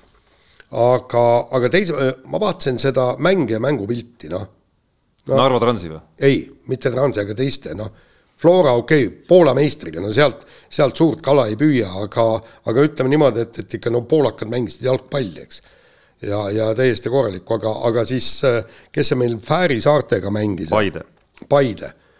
no ikka Fääri saared, noh no, mängisid paremini, mitte midagi teha ei ole, noh. no kahe mängu kokkuvõttes vaatame. ei no vaatame küll, aga, aga, aga me võime siit jah, kuskilt selle edasipääsu võib-olla välja imeda, aga, aga ma vaatan, et mängupildi järgi vaatasin. seal oli küll, mina vaatasin äh,, olin ju Slovakkias, eks ole, ja Slovakkia äh, hotellis seal kohalik spordikanal kandis seal Levadia mängu üle, ma otse seda küll ei vaadanud muidugi, aga, aga õhtu hiljem seal ütleme, kui tulin õlleringilt äh, peale oma matkaringi õlleringilt, siis, siis vaatasin natuke selle Levadia mängu ka parajasti kordus käis seal ja sel mängul polnud häda midagi. ei, sellel mängul polnud häda, seda ma ei toonudki siis. no lõpp oli õnnetu lihtsalt. no lõpp oli õnnetu ja, aga mul tuli enne tukk peale, ma sain, ma teadsin ka, millega see lõppes, ma, siis ma ei hakanud, ei no ma ei hakanud ootama, mis ma seda ootan. sa teadsid ette, ma saan aru, sa teadsid ette ühesõnaga. ei, ma räägin, see mäng tuli kordusest, ma ei teadnud okay, okay. seisu. ja, ja, ja, ja, et, et ma lihtsalt vaatasin lihtsalt seda mängu natuke, et, et see mäng oli täitsa, täitsa jalgpalli moodi, mul selles pole midagi ütelda. ma arvan, et Levadial on on küll kodus äh, täitsa võimalik see veel äh, võiduks pöörata. no ja tegelikult peaks ka Paidel olema, no lõppkokkuvõttes te mängite no, nulli, nulli pealt kodus ongi ju väga head variandid kodus ju see no, asi ära pöörata. ja, ja põhiline on see, te mängite Fääri saartega no,. niisugune täielik küla mis, mis imekoht see Eesti nüüd siis on? Mäletatavasti on meil ka koondise tasemel Fääri saartega pusimist olnud. Tallinnas elab oluliselt. sa, sa Tarmo, kas sa oled mingi Fääri saarte mees või, tuleb välja? ei, mis Fääri saarte mees, olgem realistid lihtsalt, mis see meie enda tase on. ei no aga mis, mis see on, et Tallinn on ju. päris riik ju, suur riik ikka. ja, ja Tallinn on ju oluliselt suurem kui Fääri saared ja see Paide meeskond on ju Tallinna meeskond tegelikult kas mitte Fääri saarte koondis ei ole siin äh, valikmängudes äh, ütleme meist oluliselt suuremaid isegi näpistanud? no aga see on piinlik. vahel harva. aga see on piinlik. piinlik on muidugi, no piinlik on siis, kui Paide edasi ei saa. loodame, et saab. Peebu, Peebu mälestused muidugi meenutasid, et me jätsime puudutamata saate algul põhiteema, et kuidas Peep need tõusumeetrid siis üle elas seal Slovakkia ja Tatra mägedes ja, ja, ja kas see superkompensatsioon on ikkagi nüüd nagu kohal, kui sa seal Lõuna-Eesti küngaste vahel, ütleme siis niimoodi, seikled? Superkompensatsioon on täiesti kohal ja siis eile õhtul käisime siin, kui meile töö oli tehtud, käisime discgolfi mängimas siin Tartu laulu lava taga, see on päris pikk ring ja ma mängisin nii kiiresti, et poiss ei jõudnudki järgi mulle, ma käisin ja vurr ja vurr, ma olin, mul oli viis rada tehtud ta esimese peale alles, tead. ootasin järgi seal, niisugune kompensatsioon oli sees, et tead noh. Äh, aga no mis see, aga mäed ise olid muidugi vägevad, tead noh. et ähm, ja tuli välja, et see oli ka päris tehniline, et seal äh, kahel päeval sattusin sellisele rajale, mis olid tõesti päris pikad ja rasked ja kus sai tõustud ka päris kõrgele, ma räägin üle, üle tuhande tõusumeetri ja, ja kus olid ka lõigud, kus olid ähm, paigutatud siis siuksed ketid ja, ja ühel, ühel, ühel rajal ka mingid siuksed metallredelid, et muidu nagu üles ei saanudki, et seal tuli, võtsid käega ketist kinni ja siis jalgadega mööda siukest. Äh, isegi sina? väikseid nõksakaid seal, no muidu ei saanudki edasi, noh. ja, ja, ja sama asi oli seal mööda redelit tuli ronida, ei tegelikult olid päris seal paar kohta siuksed, kus väga tahad ei tahtnudki vaadata, et, seal all oli päris, päris kõrge kukkumine oleks olnud, et, et ei, aga äge oli. Ja, ja kus rahvast, ma poleks kunagi uskunud, et et nendel äh, matkaradadel on nii palju rahvast, et, äh, et seal ütleme hommikul, kui äh, minek oli, siis ikkagi see voor oli päris tihe, muidugi mida kõrgemale jõudsid, seda hõredamaks läks, eks paljud pöörasid, väsisid ära, pöörasid, pöörasid varem alla tagasi, aga, aga, aga jah, et, et kui sinna tipu juurde juba jõudsid, siis seal oli hõre, aga, aga kihvt oli ja, ja ägedad vaated olid ka. nii et soovitan kõigile, soovitan kõigile. päris head trennid ka, noh päris head trennid olid ka, ütleme ikkagi kokkuvõttes, kui sa vaatad seda koormust, mis sa said, palju nii-öelda kaloreid kulutasid ja, ja palju maha käisid seal päeva jooksul, siis see on päris korralikud numbrid. no need kalorid ilmselgelt õllelauas sa pärast muidugi nii-öelda nagu võtsid, võtsid intressidega, koos intressidega nii-öelda tagasi. üks, üks oluline asi oli veel. kogenud matkamehed teadsid loomulikult, tipuõlu pidi olema seljakotis, et kui jõudsid üles, siis tegid sealt ja siis jõid selle õlle ära. siis läks alla tagasi tulema nii, laseme kõlli. see on väga äge no ma ei kujuta ette, mis vägev äh, rallikajastus sealt selle superkompensatsiooni pealt tuleb. sa no,, sa, Jaan, sul ei ole mõtet minnagi sinna. ja, ja, ei no. sellega praegu ka niimoodi, et, et ma olen praegu nii kiire, et kui me ühes autos äh, Margusega sõidame, eks ole, siis ma olen kogu aeg eespool paarsada meetrit nagu. et põhimõtteliselt, põhimõtteliselt kajastus on niimoodi, et, et tähendab, Peep jookseb Ott Tänaku kõrval sõidu ajal. sõidu ajal. kiiruskatse ajal. just. nii, aga. kuidas tunne on nii äh,, kiire vahemäng ja Eesti antidopingu äh, boss Enn Vallimäe äh, sõnas, et see, et Mehis Viru istus U kakskümmend kolm EM-i ajal tribüünil ja läbi abikaasa näitas ka tegeva, tegelevat juhendamisega, et on tõsine provokatsioon eks ta põhimõtteliselt küllaltki on, aga, aga me. ei, ei nõustu, ei nõustu, ei nõustu, mis provokatsioon. Ta, tema peab ju ennast õigeks meheks, tema tegi seda, mida ta teha tahtis, ma usun, et ta läks sinna sellega, et aga ma olen nüüd äh,, provotseerin, et ma olen sinna kohale, ta läks sellepärast sinna kohale, et oma neid õpilasi juhendada läbi, läbi abikaasa. otseselt juhendada ei tohtinud, aga tribüünil võis istuda ja sealtkaudu seda tegi, et, et ma seda provokatsiooniks ei pea et see lihtsalt näitab seda, nagu me siin vist ka eelmine saade juba rääkisime, et lihtsalt nendel, nendel ähm, keeldudel ei ole nagu sellist jõudu, et sa saaksid kuidagi eemal hoida staadionilt neid, ähm, neid nii-öelda pahaseid inimesi, et, et, et selles selles on see asi, et ma provokatsiooniks seda küll ei pea. kuigi mul, mul endiselt, ma olen nagu papagoi siin, et endiselt äh, lugedes nii Henn Vallimäe kui Erich Teigamägi kommentaare sellele, jääb nagu see okei okay,, et ei ole jah, ei saa võtta turvameest ja nii-öelda juhatada Mehis Viru minema sealt.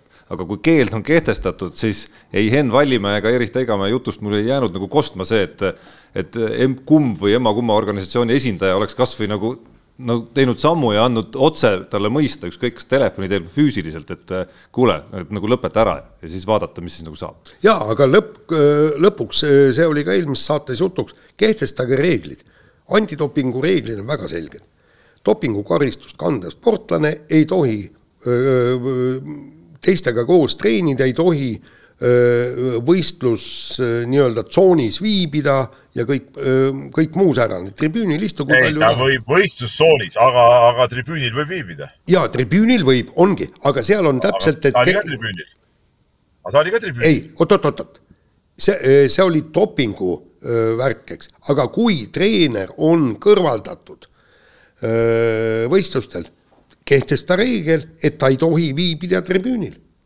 Kehtestage reegel. ei, aga sa siis... ei saa seda kehtestada, sa ei saa, selleks peab olema ju mingi juriidiline jõud, sellest, seda ma räägingi ju, et, et siin on vaja nagu mingit äh, kohtu või politsei otsust, no selle, see nagu tagaks selle, et, et ta ei saaks sinna tulla no,, aga, aga praeguses seisus äh,, kuidas sa saad äh,, kuidas saab mingisugune organisatsioon keelata näiteks Eesti kergejõustik saab keelata mul minna U kakskümmend kolm EM-ile, kuidas saab keelata seda? no jaa, aga seal ei olnud siiski ju ainult nagu minek, vaid, vaid, vaid nii-öelda noh, väga selge ju noh, nii-öelda jada, kus kõrval on nii-öelda abiga-, treenerist abikaasa ja siis on sportlane, kes on justkui nende või tema õpilane, eks ole, ja siis selline kommunikatsioonijada, mis ei jätnud ju ka kahtlusi, mis seal nagu toimus tegelikult. ei jätagi, aga no ma räägin veel kord, kuidas saad seda keelata, no selles ongi asi. et kõige parem olekski see, kui oleks kohtu poolt äh, keelatud äh, oma õpilastele või sportlastele lähenemine näiteks, noh, see, see, see oleks asi, mis, mis tagaks. Või kohus saab määrata ka jah, tõesti, et sa ei tohi spordivõistlustel käia, ma ei tea, paned jala võru ja, ja ei lase sinna. no või siis peab Kergejõustikuliit ise või alaliidud siis täpsustama ja nii-öelda kirjutama rohkem lahti, mida see keeld nagu täpselt tähendab. ja siis on võimalus kasvõi ma ei tea, minna klubi juurde ja öelda, et et kui te nii-öelda, teie esindajad ei lõpeta seda nii-öelda keelu rikkumist, siis noh, siis juhtub see või teine ei no aga, aga noh seda ei saa niimoodi teha, no see, ma räägin, et see alaliit, mida ta kirjutab sinna, et äh, kui saab, treener saab näiteks äh, noh, keelu, treenimiskeelu või kergejõustiktegevuse keelu, mis ta peab siis abikaasast lahutama või? no ei pea, aga ma arvan, et see, mida seal äh, sellises nii-öelda rahva hulgas siis näiteks need abikaasad omavahel nagu räägivad, et näed seda fotot, mis Õhtulehes ilmus, noh, ma arvan, et seal kõrval, taga või ees istudes on võimalik seda kuulda näiteks. ei no aga seda omavahel rääkida siis või? No kui see, kui see on selle konkreetse äh, sportlase äh, lõppenud ka nii-öelda nagu katseanalüüs, tehniline analüüs ja, ja soovitused edaspidiseks, noh siis see seda, on juba selgelt asi, mida ei tohi teha, kui see oli see noh, seda sa ei saa ju keelata, sa saad ise ka aru, et sa ei saa. ei no vastupidi. sellist eh, keeldu panna. alaliit, sa, ala, üks, ükski spordialaliit ei saa keelata inimestel omavahel rääkimast ükskõik mis teemal. ei no nii detailselt. seda ei saa teha ükski alaliit. ei no nii detailselt minu arust vastupidi, just on võimalik seda teha, küsimus on, kuidas sa tõestad, et nad just seda rääkisid. ei, no see ei ole ju äh, ükski alaliit ei saa niisugust keeldu panna, kui see on õiguste piiramine, mille, mille, millist õigust ühelgi organisatsioonil MTÜ-l, mis, mida alaliit oma olemuselt on, ei ole ju, noh, see, see ei ja, ole võimalik. ja jutt käib ikka abikaasadest. Jutt käib abikaasadest. ei no jutt käib juhendamisest teistpidi. jutt käib ju juhendamisest. Tarmo, ainuke asi, mis siin saab aidata, on politsei. ei no see seaduse silmis ei ole siin ammugi millestki rääkida, selles mõttes peab ikka nagu spordi nii-öelda spordiseaduste raames tuleb äh, antud juhul nagu hakkama saada. nii, kuule, meil on aega kulunud tund aega juba ja alaliit ei saa ju sihukest seadust teha. nii, vahetame teemat, Ragnar Klavan äh, teatas, et on tagasi koduses jalgpalliliigas Tallinna Kalevi särgis, klubi särgis, mille eestvedajate hulka ta ise ka kuulub, on president vist ka sellel klubil, klubi eest, mis on noh, teatud mõttes kindlasti üllatusena ikkagi heitlemas siin Eesti meistrivõistluste medalite eest, ehk siis eurosarja kohad ja kõik jutud, eks, nii et noh, tegelikult ei ole siin ju midagi üllatavat, et kui Klaavan on vormis, siis, siis mõnes mõttes oli natuke üllatav see, et ta esimese hooga üldse sinna Paidesse läks olukorras, kus ta ise oli äh, Kalevi eestvedajate hulgas. jaa, aga, aga eelmisel hooajal siis. Paide eesotsas olid tal, Paide eesotsas olid tal omad mingid kamraadid ja, ja vist äripartnerid, eks ole, et see selles suhtes ei olnud vist nii üllatav, aga, aga mis puudutab äh, seda Kalevit, siis loomulikult no, sellisel tasemel mees, isegi kui ta on oma tippvormist kaugel, on ta ikkagi parem kui, kui äh, siuksed äh, tavamängijad oma tippvormis, noh, nii on ta. ja, ja teine, teine asi on ju see, et, et vaata, kus äh, punkt üks äh,, nii suure legendi väljakul viibimine innustab neid noori mängijaid, punkt üks, ja punkt kaks, ma arvan, et sealt kõrvalt äh, need kaitsjad õpivad ka, kuidas tegelikult mängu ajal siis juhendada kogu seda kaitseliini, võib-olla poolkaitset, väravavõit, kõik see, et kuidas see süsteem ja kui professionaalselt kõik see käitumine on. et, et sellest tegelikult on vaata et suuremgi kasu kui Klaavanist endast. ei no kõik jutud, noh, kõik kasutegurid, mis seal ja. on ju, on ju olemas, no mis kogemuste pagas seal on, mis oskuste pagas, mis liidri omaduste pagas, mis tehniline pagas, nii edasi, nii edasi. just, nii, võtame järgmise teema ja räägime jälle korvpallist ja poisid, ärge liiga pikalt sellest rääkige, kell on palju. nii, Delfi noorreporter Reigo Kaljurand pani kokku top viiskümmend Eesti praegust korvpall, tegevkorvpallurit edetabel on järgmine, esimene Kotsar, teine Kullamäe, kolmas Vene, neljas Trell, viies Kriisa. mehed, kas ongi täpselt kõik pihtas põhjas või? või, või, või mõne numbriga äkki eksis no, ka? no ma vaatasin, ma vaatasin edetabelit küll, noh, sa lugesid ju top viis ette, aga, aga eks seal, no mina oleks natuke teistmoodi mitmed asjad ilmselt pannud, aga, aga, aga noh, see on ju, see oli puhtalt tema isiklik äh, arvamustabel ja ma ei tea, kas võib-olla viiskümmend ongi nagu võib-olla liiga lai ka, et seal, et kes on nüüd äh, nelikümmend seitse ja kes on kolmkümmend üheksa, et kui palju seda, seda vahet seal on, et, et võib-olla mõned, mõned kogenumad mängijad olid teenimatult tagapool ja, ja mõned noormängijad olid teenimatult kõrgel kohal ja mõni mees oli üldse teenimatult seal tabelis ja mõnda meest näiteks ei olnud seal tabelis, et noh jah, noh, on nagu on noh. no tundub, et me tunnetus Peebuga on antud juhul üsna sarnane, et, et, et jah, selline ma võib-olla ka natukene sellisel vana versus noor teljel oleks seal võib-olla mingis vahemikus mõnda noormängijat natukene tahapoole või ka tabelist välja lükanud või nooremapoolset ja, ja natukene neid kogenumaid mehi sealt võib-olla võib-olla sisse lükanud, et või no isegi seal tabeli lõpuosas Tanel Kurbast näiteks natukene tõstnud ja seal joone alla jäänutest ka minu arust oli neid, neid mängijaid küll, keda oleks võinud sisse lükata, aga, aga noh, selles mõttes ma arvan, just mingis mõttes oli just nagu tore, et see oli viiskümmend, et siukseid nagu kümmet ei ole nagu liiga, liiga nagu keeruline hakata, hakata ritta seadma ja seal päris tipus minu arust on raske ka nagu väga reljeefselt millegi vastu vaidlema minna, aga eks seal tagaosas tekibki seda nagu äh, subjektiivsust ja sellist nagu poleemikat ja, ja vaidlemiskohti natukene roh rohkem juurde ja, ja, ja selles mõttes täitsa tore, ootan järgmisi tabeleid, kus ka teiste pallimängude esindajad oleks ritta seatud. ja kusjuures ma äh, mõtlen, et, et korvpalluritele endale niisugust edetabelit äh, lugeda on endal ka huvitav, et ahaa, näed, ma olen sellel kohal, ohoo no,, polegi paha. ei no ma arvan, et seal, ma arvan, et ka seal tipus, ka isegi esikümnes oleks vaidlus ja mõtlemiskohti küll, ütleme, kui Kotsar nüüd number ühe pealt kõrvale jätta, mida, mida võib-olla eh, noh, nagu noh, oleks absurdne vaidlustada, siis, siis ütleme, ülejäänud asju võib seal niimoodi maitse maitse ja hinnangute piires liigutada küll, et. ei no seal juba. kivisse raiutud see ei ole. no seal saab juba selle, sellel pinnal, no et kümnes Mattias Tass näiteks ja kaheksas Janar, Janar Jõesaar, kes on ikkagi sisuliselt olnud äh, kas terve hooaja või peaaegu noh, ütleme vähemalt poole viimasest hooajast vigastatud, eks, et äh, väga raske on nagu täna täna neid paigutada sellesse tabelisse üldse, et kas sa võtad aluseks selle, mis seisus nad olid sügisel äh, klubi hooaja, ma ei tea, esimestes mängudes, kui nad veel mängisid näiteks või, või, või mille sa siis aluseks võtad, et selle saadki nagu võtta, on ju. no Jõesaare, Jõesaare puhul võib kasvõi värske lepingu võtta aluseks. Noh. no Mattias Tass on ka Itaalia meistriliiga klubi poolt nagu kaheaastase lepingu all, on ju, et saad ka selle võtta aluseks. jaa, aga ütleme jah, no saab ka jah. vot nii, aga vahetame teemat äh, Tour de France'il, äh, mis on äh, ka sportlikus mõttes muidugi ikkagi noh, äärmiselt põnev, mis seal salata, et, et need duellid, mida seal kaks staari on omavahel pidanud mees mehe vastu, on olnud ikka nagu vägev, vägev vaatamine, on isegi mind sundinud mingitel õhtutel nii-öelda nagu järele vaatama minema ikkagi ja neid otsustavaid kohti. siis rääkida antud juhul tahame me hoopis teisel teemal, sellest, kuidas üks selfie teinud fänn põhjustas seal äh, siis äh, paar päeva tagasi massikukkumise ja, ja, ja see ei ole esimene kord, kui midagi sellist on juhtunud suurtel velotuuridel.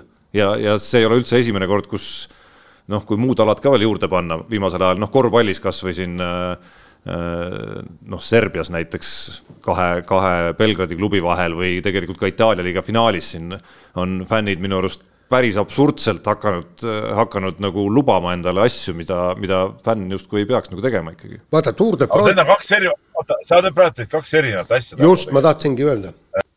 Äh, see pallinnide, see, see on, see on nagu teise taustaga ja, ja see on sihuke äh, tõesti nagu vastase vastu ja, ja, ja sihuke nagu, nagu isegi vihkamise peale natuke üles ehitatud. see, mis Tour de France'il on, seal ei ole ju nagu ütleme kellegi vastu midagi. fännid lihtsalt on lollakad minu arust, et nad nagu ronivad sinna tee peale ja andmata endale aru, et nad ju takistavad äh, sportlasi, et, et äh, noh, lihtsalt oma, oma lollusest äh, tekitatakse mingeid olukordi, mitte sellest, et nad on kellegi vastu või nad tahaks, et kellelgi läheks halvasti, aga korvpallis äh, noh, võib-olla ka jalgpallis, eks ole, või mõnel muul alal, võistkonnal tahetakse, et vastase võistkonnal läheks lihtsalt halvasti jaa, aga, aga saate aru, Tour de France'il on kõik need kukkumised ja selfid, selfindused, kokkupõrked. Pealtvaatajatega, see on just stsenaariumisse sisse kirjutatud. sest need pealtvaatajad on lubatud sinna raja äärde. Ja kui te vaatate, kuidas kui lähedal ja kuidas need jalgratturid peavad sisuliselt läbi murdma sellest, kogu sellest massist, siis selge, et, et ikka midagi juhtub et see on välistatud, et mingit kokkupõrget ja kuskil mingit jama ei toimuks. aga samas ei saa neid fänne, samas on ka nii-öelda eh, stsenaariumisse sisse kirjutatud see, et need fännid saavad olla nii lähedal, sellepärast nad tulevadki paljud sinna. ja see on tegelikult võimas vaatepilt ja, ja igati äge. ja kui nad seal tõusus panevad ja kõik need fännid karjuvad ja röögivad ja ja, ja, ja kõik see, et, et see ongi, see on etenduse osa ja kahjuks juhtub teinekord. jaa, aga noh, see on see koht minu arust, kus äh, sellesama võrdluse sissetoomine nende samade Kossu fännidega näiteks noh, minu arust on nagu asjakohane ikkagi, et, et, et, et kuskil peab igal, igal pealtvaatajal olema nagu arusaam, isegi kui ta on nii priviligeeritud, et ta saab siis Tour de France'i Tour de France'i seal mäkketõusul äh, ütleme siis sentimeetrite kauguselt põhimõtteliselt seal Pogacarile ja Vingegaardile kaasa elada, peab ikkagi nagu olema see, et, et, et ma olen siiski nagu pealtvaataja, mitte see, kes, kellel on õigus siin kuidagimoodi nagu sekkuda sellesse, rääkimata, rääkimata kellelegi viga tekitada. kuule, ma ei mäleta, kes see viimati, viimati kuskil see, kas see oli Strandbergil oli, oli oma kommentaaris öeldud, mitte midagi ei ole teha, üks protsent inimkonnast on idioote ja, ja kui vaadata, milline kamp seal äh, jalgratturitele kaasa elab, siis seal neid äh, idioote on kahjuks kümneid. ja, ja nii ta paraku on. nii, ja võtame siis viimase teema. Wimbledoni finaal, vaatasin, elasin kaasa Novak Djokovicile loomulikult, vanameistrile, noh, vanameister, ta mängib niivõrd hästi, kuule, vaata, vaata talle peale ta on nagu, keha on nagu kahekümne kahe aastasel vennal. aga paraku ei, ei, ei pidanud ta vastu, ikka väsis ära natuke ja Carlos Alcaraz võttis selle viiendas setis selle võidu endale ja, ja, ja noh, paraku mul on selles mõttes kahju, et sellel suurel kolmikul jääb see suur slämm ehk siis neli suurturniirvõitu ühel aastal jääb välja mängimata sest ma, ma ei usu, et, et järgmine aasta äh, Djokovic seda suudaks.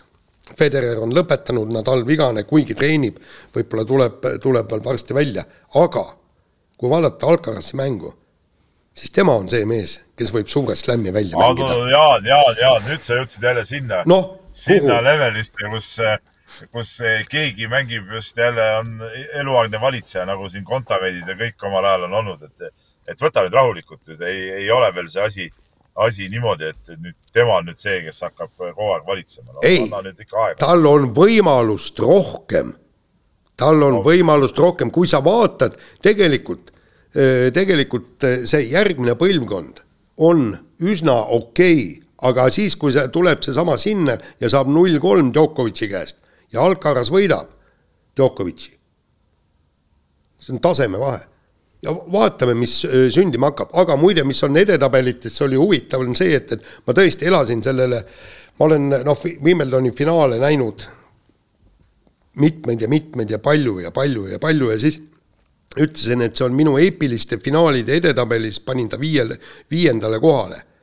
ja kusjuures muidugi neljast esimesest minu paigutatud finaalist ei teadnud noor reporterit suurt midagi mul oli, esimene oli Borg McEnroe, teine oli Connors McEnroe, kolmas oli McEnroe Borg, et siis, kui ta esimest korda võitis ja siis neljas oli siis äh, selle noh, Boris Beckeri esimene võit.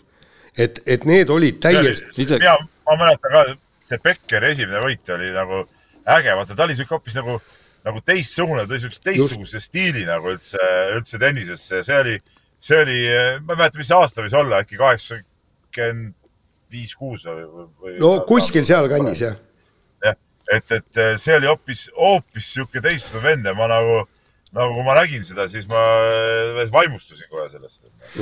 no nüüd läks see saade ikka selles mõttes täitsa rappa, et siin hakkasid vanad mehed rääkima sellest, kuidas kaheksakümnendatel ja seitsmekümnendatel kõik oli palju ägedam. ei, aga ta no, ta oli emo-, emo-. isegi, isegi seda Djokovic'i, Federeri legendaarset finaali ei maininud. Ei, aga seal oli kaks staari omavahel, noh, so what, üks võidab, teine võidab. kolmteist, kaksteist lõpp oli. jaa et seal ei ole mingit vahet, kaks, ta, ta oli suur finaal, ma ei vaidle vastu, eks. aga, aga näiteks esimene, mille ma panin, oli ju tõesti, tuli noor McEnroe, kas ta suudab nüüd selle Björn Borgi öö, hegemoonia lõpetada, ei lõpetanud. kusjuures seal oligi kaks poolust, noor, vana, äkiline, vaoshoitud, kinnine tennisist, tagajoone mängija, võrgumängija. siis järgmine on see, et, et kui Connors vana mehena tuleb ja sellele noorele kukele äh, Mäken-, McEnroe'le koha kätte näitab, kusjuures kaks üliemotsionaalset mängijat äh, mängivad omavahel ja siis kolmas oli see, kui lõpuks, lõpuks McEnroe võt-, võttis selle ära ja, ja muidugi siis seitsmeteistaastane Becker tuleb ja, ja võidab.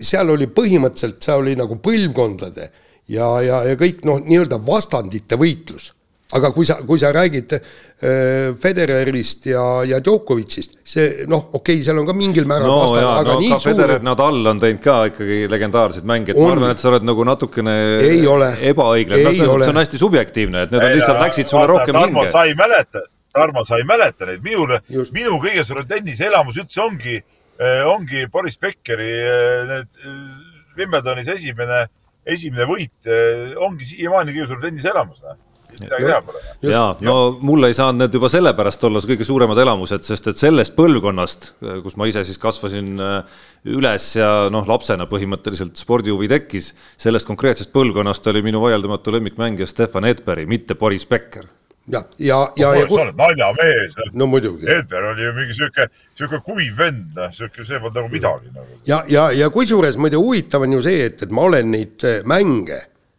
ma olen neid mänge, neid viimaseid sette ju äh, Youtube'ist isegi üle vaadanud. ja, ja, ja näiteks no täpselt see, et, et minu jaoks on kõige suurem, läbi aegade just kõige suuremaid elamusi on, on ju see Kanada Nõukogude Liidu seeria seitsekümmend kaks on ju, Summit seerias äh, esimene, kui see on, ja ma olen vaadanud algusest lõpuni ära selle viimase seitsmenda mängu.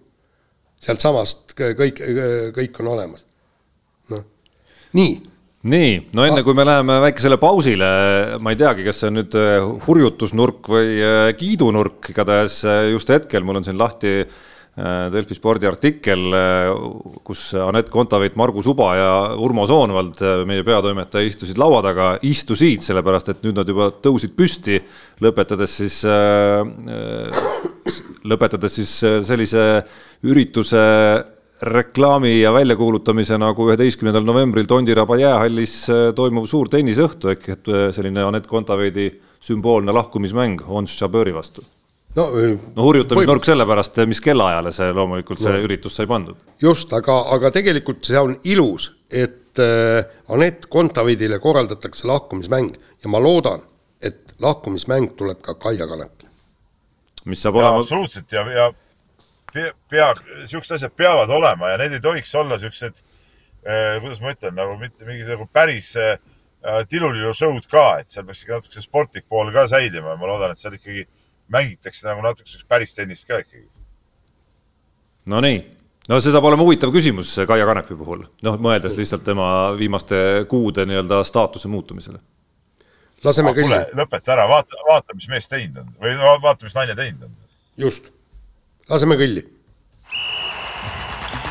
Unibetis saab tasuta vaadata aastas enam kui viiekümne tuhande mängu otseülekannet. seda isegi mobiilis ja tahvelarvutis. Unibet, mängijatelt mängijatele. Nonii, Peep. ei, ma olin reisil sul oli seal reisil internet isegi, ma eelmises tuvastasin, et sa olid meil liinil eelmise saate ajal mitte väga hea, nagu sa nägid. mitte väga hea jah, aga ütleme, panustamiseks on, äh, pole nii head netti vaja, kui, äh, kui, äh, kui saates liinil olemiseks. ütleme nii, et ma tegelikult püüdsin ennast suhteliselt äh,, kuidas ma ütlen, mitte, mitte aktiivsena hoida, kuigi see väga hästi ei õnnestunud mul tegelikult, aga, aga panustamise ma jätsin vahele, aga see nädal ma panustan kindlasti kõvasti. no nii, Jaan. siin Tänakul oli nii hea, Tänakul nii hea koefitsient, et ma pean panema, onju et, et, et mul oli mõte panna siis Djokovic'i peale raha, aga mul oli niivõrd palju seda sebimist, et, et, et mul tuli. mis sebimist? kirsse oli vaja korjata, ma saan aru. ei, kirsid korjasin juba varem ära, aga tegelikult oli see, et, et ma vaatasin ju maadlusturniiri ka ja kõik noh, kogu, kogu sellest siis ma proovisin neid maadleid kätte saada ja tead, niisugune paras sebimine oli, et hea, et jõuaks selle finaali ja, ja ma päris alguseks ei jõudnudki ja siis tuli pähe, ahaa, pidid panema. ja siis, kui Djokovic esimese, esimese seti eh, võitis, siis oli noh, tema koefitsient oli nii madal, et sinna polnud nagu mõtet panna. ja siis, kui ta esimese kaotas, siis teise. ma mõtlesin, või teise kaotas, siis ma mõtlesin, et ei tasu panna. no viiendas, kas viienda algul ei tekkinud, kui murre ka veel ära oli, olgem ausad, ta oli ikkagi tagasimurdmisele nagu ülilähedal no,. absoluutselt oli, aga, aga siis oli ikkagi noh, ütleme niimoodi, et, et ei pannud, jah aga, aga nüüd ma panen ja Ott Tänaku peale ja ma loodan, et see koefitsient kuus on, on alles siis vähemalt täna lõuna paiku. selge. Kui ma eelmisel nädalal rääkisin, kuidas seesama U kakskümmend koondis üle ootuste hea algusega minu kontot tühjendas, siis, siis nädala teises pooles sellesama, sellesama liini peal õnnestus enam-vähem need kahjud tasa teha, nii et kokku umbes selle turniiriga jäin nulli ja ja see nelisada ei ole enam kaugel taaskord. aga eripanuseid äh, ja nende tellimusi on meil Unibeti läinud kaks tükki sisse, üks on seesama Ott Tänaku rallivõit ja teine on äh, Paide, Paide linnameeskonna edasipääs siis sinu äh, Fääri saarte lemmikute vastu. ja mis see koefitsient on? see on alla kahe. aga võimendusena ma täpselt ei tea veel, mis see tuleb, nii et natuke läheb aega, et see, et see seal nii-öelda valmis küpseks ja ahjust välja tuleks ja aga panna, nüüd panna mõlema, mõlema võidu peale, eks, et kuus ja kaks tuleb umbes kaksteist. sada eurot peale. täpselt nii. pappi tuleb. nii, aga kirjade juurde äh, kirjutab meile Andrus viimases saates jäi paar asja silma, selles me ei kahtle keegi, et, et Anett oli tipus, aga kas ta oli ikkagi seal kõige kõrgemas tipus? mina arvan, et mitte ja see lõpetamise teema on kuidagi kahtlane ja nagu Tarmo ütles õigesti, siis see teine koht edetabelis oli väga kõrvalmõjude kokkusattumus ja seda rääkis kogu tennisemaailm.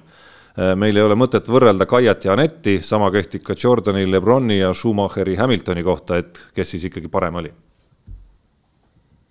küsimust ei ole, on lihtsalt nii-öelda vastamise võimalus teil. noh, tead, siin on nii ja naa, eks, kui me hakkame jällegi, okei okay,, see jutt läheb pikaks, kui me vaatame Schumacherit, Hamiltoni, siis jah, ega seal midagi, Schumacher oli ju ka Benettonis, kui esimesed kaks tšempioni tiitlit võitis, siis siis ta võit-, võitles ikka täiega, aga siis, kui ta Ferrarisse kolis, siis oli ju selge, et kõik teised tõmbuvad tema eest tagasi, aga no samamoodi Hamilton esimesed tiitlid võitis ka võitluses, ülejäänud oli juba see, et, et tiimikaaslasel paluti natukene tagasi võtta, noh, Jordan, Lebron, seal ei ole ka midagi vaielda, Jordan on selgelt see, et parem. aga Andruse kirja teine pool äh, läheb põrinate maailma, esiteks äh, kommentaar Peep ja Jaan teile, et äh, on ikkagi masendav neid Oti intekaid vaadata, ärge tehke neid, sest sealt ei tule midagi, teete ennast naerualuseks aga siis läheb Andruse jutt edasi ikkagi sellele, kuidas rallimaailm äh, suures pildis on, äh, on vähikäigul, eriti võrreldes siis vormel ühega, et äh, et kas mäletate, kui Loeb sõitis Citroenis, kasutati kohe asja ära, pakuti uusi autosid tellida, Citroen C4 Loeb Edition riideid oli saada ja nii edasi, aga mida Fordi turundus pakub, kas Greensmithi kaitsemaske ja vanu T-särke ja ja Eestis tundub ka nullturundus Oti ja Fordi vahel, et midagi osta. ja vaadates, kuidas kaks aastat pole midagi ette võetud ralli pühapäevadega, siis see näitab ära, et ka ladvikus on mitteambitsioonikad inimesed. vormel üks osteti Ecclestonilt ära ja tulemus on see, et eh, kui ma olen käinud viimased kakskümmend aastat vormelit vaatamas ja sain pileteid vabalt, siis nüüd näiteks oli Austria etapi viiesaja eurosed piletid juba kevadel otsas ja ei, ma äh, absoluutselt, tähendab, äh, siin ongi, me, me oleme siin saates ju ka öelnud et äh, veel kaheksakümnendatel, üheksakümnendate algusel ja või, ja või, ja ka siis, kui lööb tuli, siis oli ju vormel üks ja ralli olid enam-vähem võrdsed ja just, et nii, nii-öelda publikut oli ja, ja oli huvi ka umbes sama palju. Need olid need ajad, veel kaks tuhat kolm oli, ma mäletan see kui Märtin sõitis ja, ja kõik, siis oli niimoodi, et, et vormel ühte ja äh, ralli MM-etappi ei pandud mitte kunagi samale nädalavahetusele. aga, aga nüüd ongi, vormel üks on ju nii pikalt eest ära pühkinud. ja, ja oota, aga Jaan, aga Jaan, aga äh, no tegelikult ju ütleme, kohapeal rallit jälgib ju paljudes kohtades ka ikkagi meeletud rahvamassid. ei, absoluutselt jälgib. võtad mingid a la mingid Portugali rallid, seal mingi sada tuhat inimest, ma pakun välja, ei ole mingi probleem nagu publikuks kokku saada, et, et, et, et seda nagu nii ei saa võtta, et, et nüüd ühe populaarsus on täiesti ära kadunud tegelikult. ei, ülemaailmne, ülemaailmne, see on tõesti ah, lokaalne. jah, jah, see on, ja see on teine asi, ülemaailmne jah, jah ja.. kuigi seal vormelis ei ole midagi vaadata, mida sa, mida sa vaatad, siis mõtlesime seal. ja, ja, ja tegelikult põne, põnevust ei ole ka, mida sa praegu vaatad, maailmameister on ju selgunud ja, ja aga ja seda ralli MM-sarja tuleks upitada, upitada, upitada. tiime juurde, tõesti pühapäevad korda teha, kõik, kõik siin on, millega tegeleda äh, jaa, no selle teema lõpetuseks siis üleskutse teile, et, et teil on kohe-kohe Rally Estonial võimalus siis suurtelt bossidelt küsida, et miks ralli on siis ikkagi siin, kus ta on. on kirjutanud meile Villem Soomest kui rallihooaeg äh, on poole peal, siis paar küsimust. Äh, vaatamata Rovanpera suurest punktiedust on tema ainus mees, kellel ei ole katkestamist ja ainult üks võit. ehk siis küsimus, kas õnn soosib tugevamaid või on äh, küsimus targast strateegiast. teisalt kõva strateeg Neville on kõige sohi tegemisega alles viiendal kohal. kas see tähendab, et Tänaku otsus valida Ford oli õige? no seda näitab tulevik, aasta lõpp näitab. kui Ott on maailmameister, siis on õige Ford õige valik on Ford ja kui on Neuvill maailmameister, siis oleks pidanud Hyundai'sse jääma, väga lihtne no,. minu arust see, see küsimus ja see eelnev jutt ei läinud nagu kokku praegu üldse või mis need siia puutusid? natukene küll, jah ah,. muide, stopp, ma eelmise punkti juurde mul hakkas peas keerlema, eks ma rääkisin ka Lõuna-Eesti rallil. seal oli üheksateist autot oli kohal, nad ütlesid, et, et nad oleks saanud, kuna see oli nii kompaktne ralli et nad oleks saanud kolmkümmend, kolmkümmend autot äh, sinna rajale lasta, eks.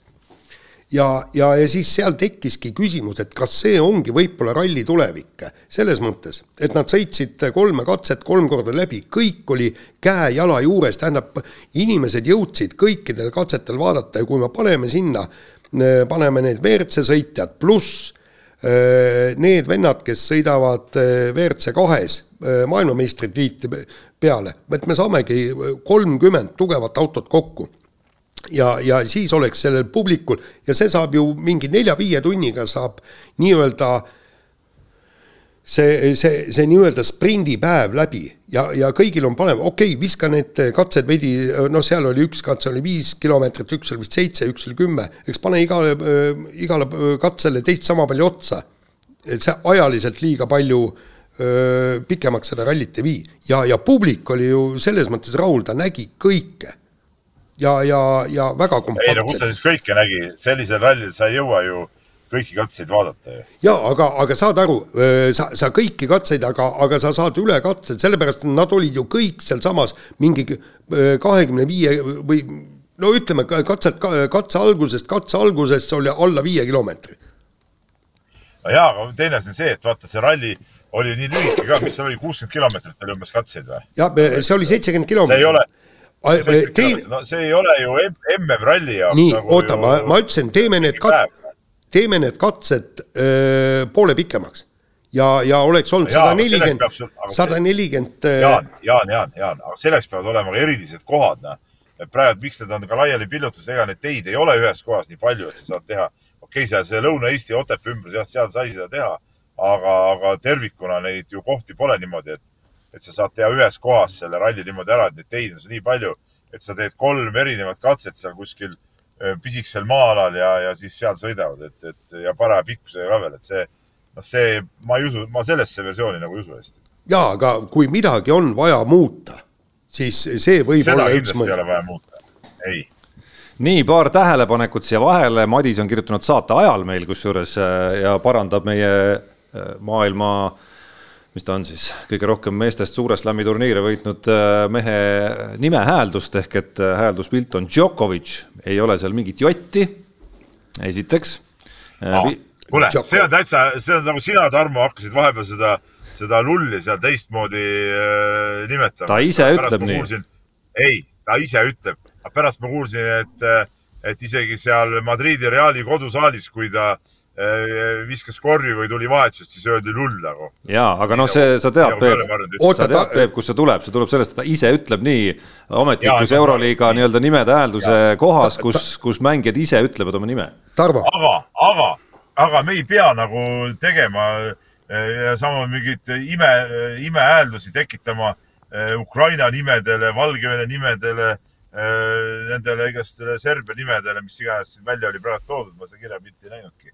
Et, et me hääldame ikka nii, nagu me hääldame, nagu, nagu me Marju tähendame, mis vahet. ei no minul on väga lihtne küsimus, kui on Djokovic, kas see on siis Padžu kusjuures olen olnud, Mr Padžu nagu te teate. Pacho, Mr Pacho, jah see on täitsa okei okay, kusjuures.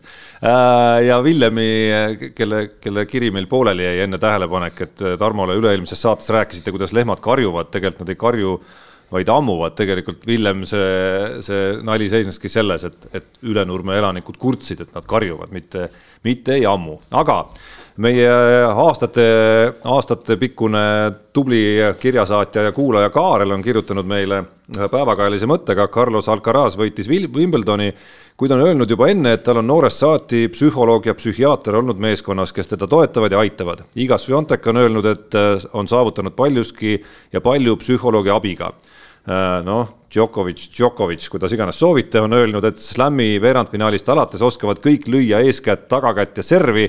mäng on rohkem mentaalsel pinnal. ometi on Eestis nii, et meil pole sportlastel erilist mentaalset tuge kui keegi on selle võtnud endale, äh, siis sellele järgneb spordiajakirjanike tümitus ja spordifännide mõnitus, et on nõrk ja peaks ise hakkama saama. kas Nõukogude Liiduliku suhtumise pärand Eestis, miks on nii, et mujal maailmas on psühholoog väga normaalne osa meeskonnast, Eestis pigem äh, salatakse maha?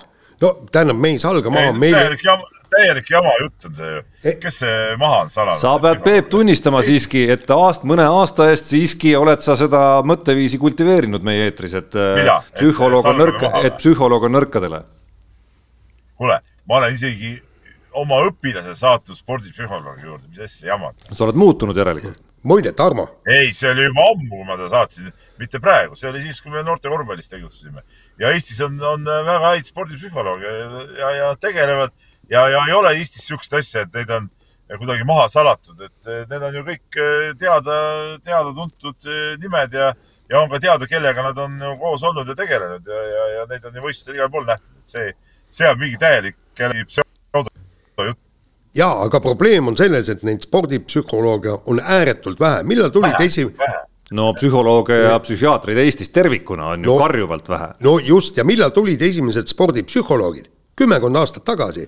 enne seda ju, seda ju see paganama Tartu Ülikool pildus välja psühholoogia, noh, seal tõesti inimesed omakäeliselt hakkasid õppima seda nii-öelda spordisuunitlust. ja, ja tegelikult on vaja lugege sedasama intervjuud Kelly Tugiga odaviskes, kui ta ütles, et võistlus läks täielikult nässu.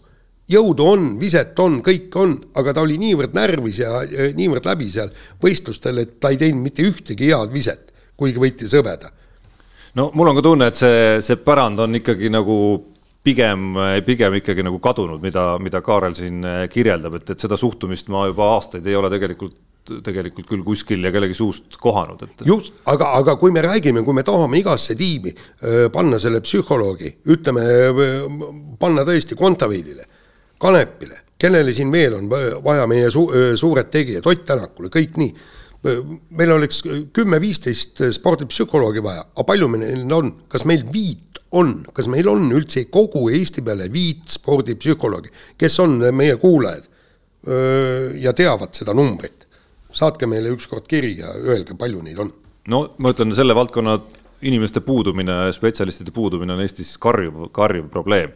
aga äh, kirjade osa lõpetuseks äh,. küll, oota, ma ütlen vahele, küll ma ütlen vahele ma enda kallale muidugi mingi psühholoogi küll ei laseks see pööraks no, ikka täitsa ära. sa oled ka nõukogude aja inimene, nii et äh, selles mõttes see on väga nagu- loogiline. no, no kuule, minu psühholoog on äh, paari kapist. ei, aga te, tegelikult saad aru, kõigile ei ole vaja psühholoogi kõigil ei ole vaja. ei, muidugi ei ole, et ega inimesed leiavad eh, kõik erinevat moodi mooduse, eh, kas või kuidas nii-öelda enda nii-öelda seespoolega nii-öelda siis hakkama saada, ütleme nii. no kuule, kui seespool on niisugune mõnus ja tore ja tubli ja no, nagu mis temaga, no nagu mul. Tarmo si, sina läheksid küll nagu sellele liimile, mul on siuke. mis, miks sa seda, no vot nüüd ikkagi eelmise või selle saate nagu lõpuakord saab natuke ikkagi nagu ümber lükatud, et näed, nüüd sa juba räägid liimile minekust. ehk siis, ehk siis sa. sa ei ole ju sportlane, sind ei ole ju vaja ju aidata. ei no vahet ei ole, kas me räägime spordipsühholoogist või lihtsalt psühholoogist, et ikkagi näed, see suhtumine suhtumine natukene kumab läbi, et see on nagu liimile minek. ei noh, no ei, vaata, see on ju mitme otsaga asi, tead noh. kui nüüd tõesti inimene on mingis, ma ei tea, sihukeses augus, et ei saa selle pärast võisteldud. loomulikult siis on nagu vajalik ja, ja, ja, ja tulebki minna ja, ja, ja teha, eks ole aga õige mees saab ise hakkama, minu mõte oli see nagu. okei okay., selge, Kaarel, sa said kindlasti sellest lausest äh, ikkagi vastuse, et asi ei ole nii mustvalge. aga Peep, sinu personaalküsimus on ka ikkagi teemaks äh, Peetri kirjas äh,, kes tänab meid saate eest ja kiidab ja, ja oleme vastupidi tänulikud Peeter selle tagasiside eest. olen need mitmeid kordi tabanud arutelult, et kas ma olen ikka tõeline spordifänn, kui ma ei vaata koduseid võistlusi, vaid ainult nii-öelda suurvõistlusi. Peep pidevalt ütleb, oota, kuula nüüd. Peep pidevalt ütleb, et tõeline fänn peab ka koduseid võistlusi jälgima ja seda koha pealt, mitte telerist. siit ka küsimus, et kas härra Peep Pahv vaatab kõik koduse hokiliiga mängud koha peal ära teame ju, et hiljuti nad pojaga väisesid hoki MM-i, kuid ainult suurvõistluste külastamine pidavat ju tontlus olema. nojah, ongi tontlus oled tont? ma käisin ainult ühte mängu. ma olin, vaat sel päeval ma olin sporditurist ja ma lihtsalt käisin seal, vaatasin korraks ära, tead, noh, see on teine asi. hästi, Peeter, see on aastakiri meil. Peep jäi kohe vait ja ei ole vastust võtta. ei, kuidas ei ole vastust võtta? tunnistad, et sa oled äh, tont? tunnistage, et see oli selles suhtes see oli emotsionaalne. Läksid liimile? Läksin liimile, jah. aga see ei ole nagu päris õige, ma ei saa ennast pidada õigeks hokifänniks, see on nagu fakt. sest ma ei ole Eesti eh, liiga mänge käinud eh, vaatama, ma olen kunagi käinud tegelikult. seda ei saa ütelda, ma üldse pole Eesti liiga mänge vaadanud. et, et eh, ma olen midagi vaadanud, aga mitte, mitte nüüd, tõsi küll, viimased võib-olla viis-kuus aastat võib-olla, ma arvan küll mitte, jah. et, et ei ole vaadanud jah, kuigi peaks minema oleks õige küll, igal juhul nii, pange ikka edasi sama võimsalt Peebule edu uueks korvpallihooajaks ja Tarmo, soovitan soojalt Tartu maratoni ikkagi ette võtta, olen ka üldiselt vabatehnika mees, aga on teatud võistlused või võitlused, mille läbimine annab uutmoodi emotsiooni. Nonii, loodame, et. said aru või? kuule, oota, mul tuli hea mõte, Tarmo. noh? psühholoog aitab sind, psühholoog aitab sind klassikat sõitma, noh. no absoluutselt. Lähed, käid ära tahad, ma annan sulle sellest Nesana Stolerova äh, telefoninumbri, helistad talle ja pärast paned niisugust klassikat, et ohohoo, ei taha uiska enam sõitagi. Noh. minu, minu minek, Peep, Tartu maratonile ei, ei, ei ole üldse kuidagi seotud mingite psühholoogiliste no ilmselt on ikkagi. ilmselt sul on ikkagi tõrge, sul on ja. Äh, psühholoogiline tõrge klassikalise tehnika suhtes, sa ei taha, sa ei julge, sul on mingi, tekib oksjarefleks, kui sa pead pidamismääret alla panema ja, ja nüüd ongi, no nüüd käi ära ja, ja asi tehtud. no nii, nii palju siis sellest äh, äh,, sellest, kuidas Peep korraks suutis tõesti jätta mulje, et, äh, et ta on psühholoogide usku. nii, aga selle. ma olengi usku, aga tead, oot-oot-oot. ikka, ikka. teate veel, Tarmo, et Tarmo, sina ei ole psühholoogi usku just, et sa arvad, et et psühholoog ei suuda sind äh, aidata. ikka, ikka. nii, nii, aga nüüd saate lõpetuseks ma ütlen muuseas, Jaan, enne kui sa lõpetad. vihm saabus Lõuna-Eestisse, vähemalt siia, kus mina seisan. päris korralik plädin, ütleme niimoodi, auto katusele no saab siis viimase Rally Estonia. nii, aga sellega on saade läbi ja kuulake meid nädala pärast. mehed ei nuta. saate tõi sinuni Unibet, mängijatelt mängijatele